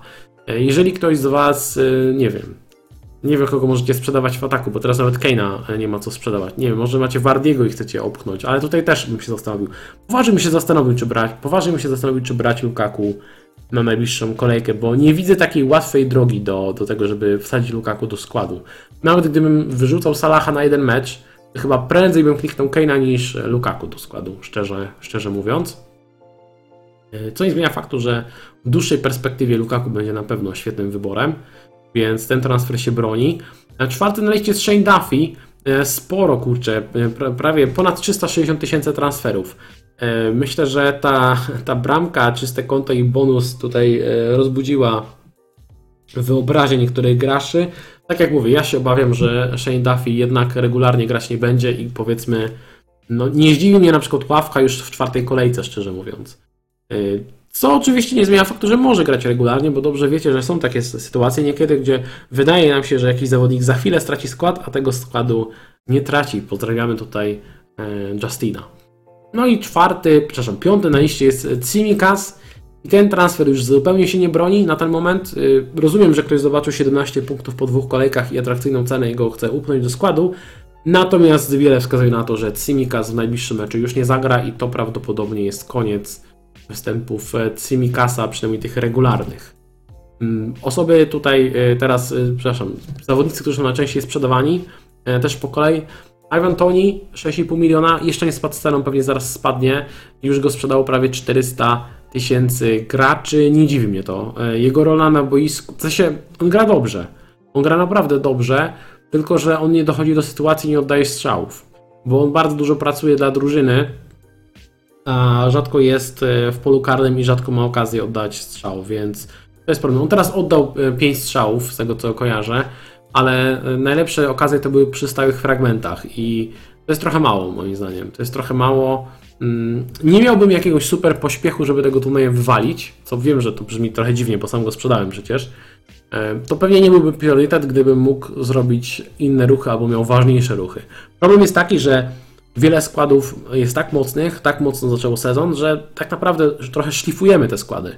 I też właśnie na zasadzie takiego doszlifowania składu ja wymieniłem Toneja na Benramę, e, gdzie pewnie zazwyczaj na tym etapie sezonu miałbym większe problemy. Teraz mogłem sobie na to pozwolić i pewnie też te transfery z tego wynikają. Drugi na liście jest Ben White i tutaj też. Wydaje mi się, że nie ma sensu chyba go e, sprzedawać. Y, O ile transfer Toneja, transfer out Toneja się mocno broni, bo tych opcji w ofensywie i w pomocy jest dużo i zaraz kalendarz się zepsuje, o tyle y, sprzedaż Bena White'a nie wydaje się aż tak rozsądna, szczerze mówiąc, bo ten kalendarz od czwartej kolejki wygląda świetnie. Wiem, że mm, teraz jest taka narracja generalnie, że no Arsenal to pewnie najgorsza obrona w lidze i tak dalej, ha ha ha, he he he, strefa spadkowa i w ogóle. W zeszłym sezonie było podobnie. Na starcie sezonu też wszyscy się z tego Arsenalu e, śmiali, a później e, Arsenal się ogarnął w defensywie. Myślę, że będzie podobnie. I Enacho, tutaj sprzedaż się broni jak najbardziej, chociaż paradoksalnie e, Kaleci chyba ma teraz największe szanse, żeby zagrać wobec tego, że czerwoną kartkę zobaczył Jose Perez. Niemniej, mimo wszystko chyba bym go opchnął też z tego względu, że Chociaż w sumie to jest ciekawe, zastanawiam się, gdybym miał teraz Jenacho, to może bym go jeszcze przetrzymał jedną kolejkę, bo teraz ten mecz z Norwich. Ale generalnie tak long termowo myślę, że nie ma sensu go trzymać, bo ofensywa Leicester nie, nie za bardzo mi się podoba. E, Czwartym liście jest Luke Shaw, ponad 200 tysięcy osób już go sprzedało i tutaj tak jak mówię, wydaje mi się, że potencjał United jest spory, e, potencjał Shawa też jest e, duży na punkty. Trochę zabrakło szczęścia, że nie wpadło żadne czyste konto. Najbliższe cztery kolejki nadal wyglądają dobrze i no, ja bym Shawa osobiście trzymał, zamierzam go trzymać. No i co ciekawe, piąty na liście najczęściej sprzedawanych zawodników jest Simikas, czyli widać, część go kupuje, część go sprzedaje. Sprzedaż ma więcej sensu niż e, kupno na ten moment, bo podrożał scenę, można na nim zarobić, chociaż ja raczej nie planuję transferu y, zawodnika za 4 czy tam 4,2 miliona. Myślę, że są ważniejsze transfery do zrobienia niż podmiana najtańszego obrońcy. Dobra, już idę do waszych, idę do waszych pytań. Idę do waszych pytań, już e, spoglądam na to, co e, piszecie. Dlaczego cena Lukaku nie rośnie? Wzrośnie na dniach, moim zdaniem. E, Tam są strony, gdzie można śledzić prognozy zmian ceny i tam jest Lukaku już bardzo blisko wzrostu. Czy grałem kiedykolwiek w Bundesliga Fantazy? Nie, nie grałem. Myślisz, że Salah będzie punktował przeciwko Chelsea, czy lepiej dać go na ławkę kosztem obrońcy, który ma spotkanie z lepszym fixture difficulty? W ogóle nie spoglądajcie na to fixture difficulty rating. W sensie to jest może w miarę pomocne tak na starcie do osoby, która nie ogląda za, za bardzo ligi. E, Te 4, 3, 2, 1 i tak dalej, 5 to może jakoś tam pomaga na tej oficjalnej stronie, ale generalnie e, raczej, ra- raczej radzę sobie samemu oceniać, czy to jest trudne, czy łatwe spotkanie danego zawodnika, bo tutaj wiele zależy od tego, jak gra dana ekipa. E, Salaha bym nigdy nie sadzał na ławce, bo nawet w meczu z Chelsea, jakby Salah jest na tyle, na tyle dobrym zawodnikiem, e, kluczową postacią ofensywy Liverpoolu, że w meczu u siebie jest w stanie strzelić, e, strzelić z każdym. Zresztą widać, że jak sobie zobaczycie na szansę na gola, to oczywiście jak Salah nie jest jakoś wysoko, no, nie ma go na szczycie, ale nadal ma 38% szans na gola w tej kolejce to jest na przykład to jest tylko 10% mniej, niż są. Więc e, ale nie jest aż taka duża różnica. To nie jest tak, że Salah nie ma szans zdobyć punktów. Ja bym osobiście i tak wystawił Salaha. Nie, nie, nie posadziłbym go za nic w świecie na ławce. Nawet w meczu z Chelsea. E, sprzedaż Tonaja się zemści. Dużo osób się go. Tak jak mówię, no, no może, ale ten transfer się jak najbardziej broni. Oko Maciej. E, czy odpalam dziką kartę po przerwie na kadry?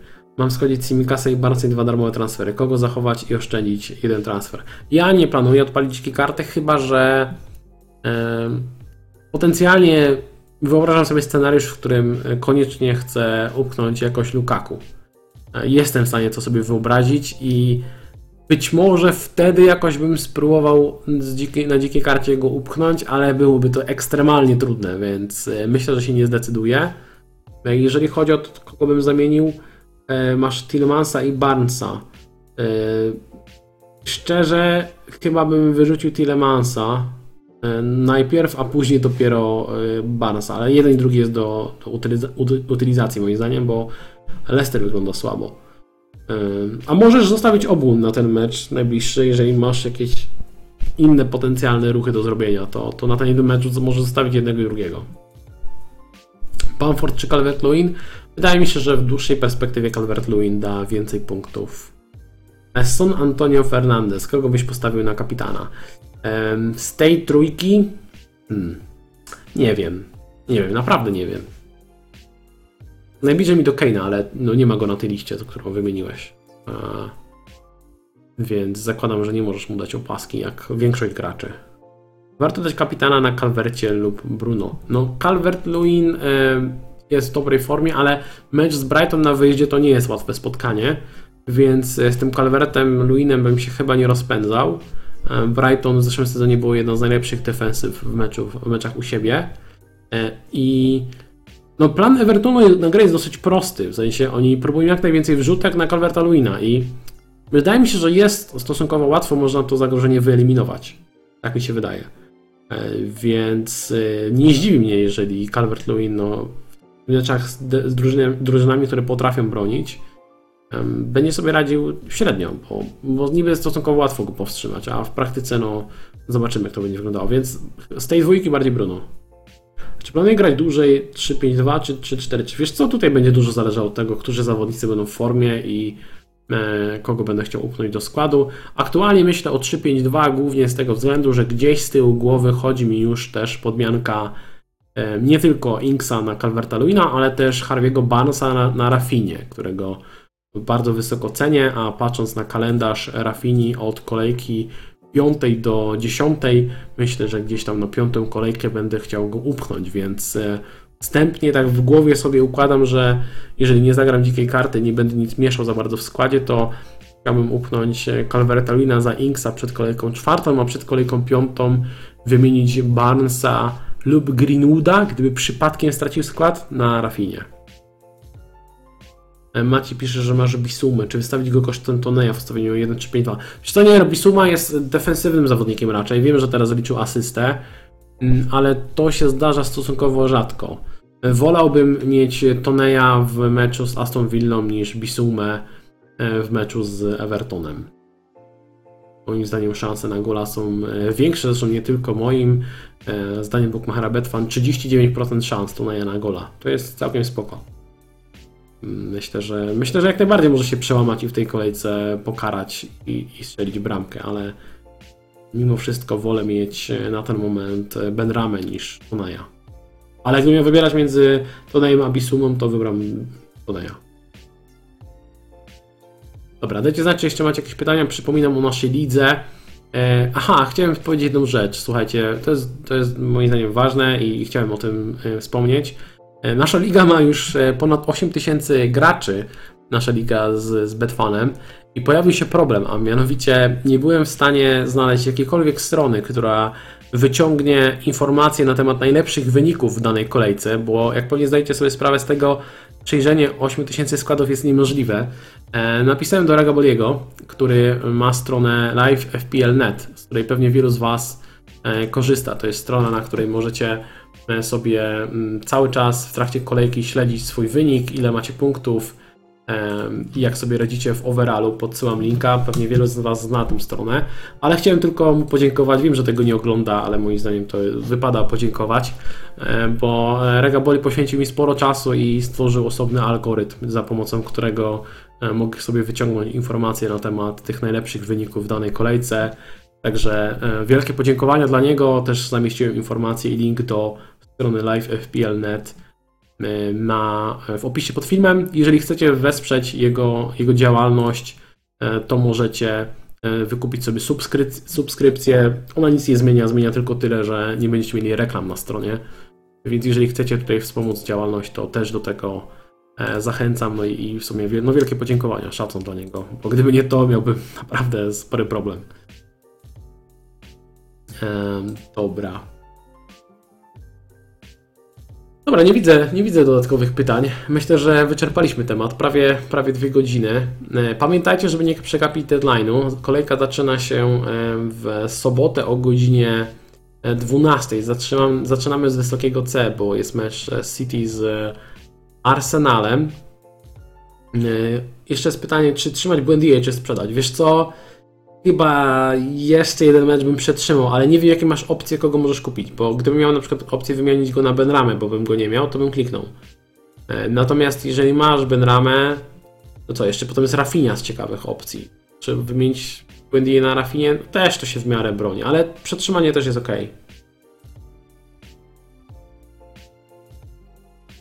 O, ciekawe pytanie. Czy analizowanie danych z Understat znacząco zwiększyło Twoją skuteczność, czy tylko pogłębiło dylematy w wyborze składów? I nie przełożyły się e, czas analizy składów na lepsze wyniki. Wiesz co? E, wydaje mi się, że wydaje mi się, że to pomaga. E, wydaje mi się, że to pomaga e, z tego względu, że nie, tylko wiesz co, ważne jest to, żeby nie patrzeć na te statystyki em, tak ślepo. Ja też to często podkreślam w trakcie streamu. Pewnie część z Was zwraca uwagę, część nie. Niekiedy jest tak, że zawodnik ma kiepskie statystyki, ale i tak jest moim zdaniem ciekawym wyborem, bo widać na przykład to, że e, w jakim sektorze pojawia się na boisku e, i e, niekiedy po prostu dochodzi do wielu sytuacji, albo troszkę brakuje, żeby dojść do sytuacji, gdzieś tam minie się z piłką i tak dalej. Statystyki tego nie pokażą, a, a widać, że jest w dobrym miejscu. Więc, a z drugiej strony są tacy zawodnicy, którzy mają na przykład dobre statystyki, na, na przykład Tonej w ostatnim meczu, no, miał te 5 strzałów, jeżeli się nie mylę, jeszcze tylko się upewnię, ale patrząc na to jak gra, e, było widać, że on nie jest zbyt groźnym zawodnikiem, no tak jak mówię, no 5 strzałów, łączny expected goal 0,33, były to głównie stałe fragmenty.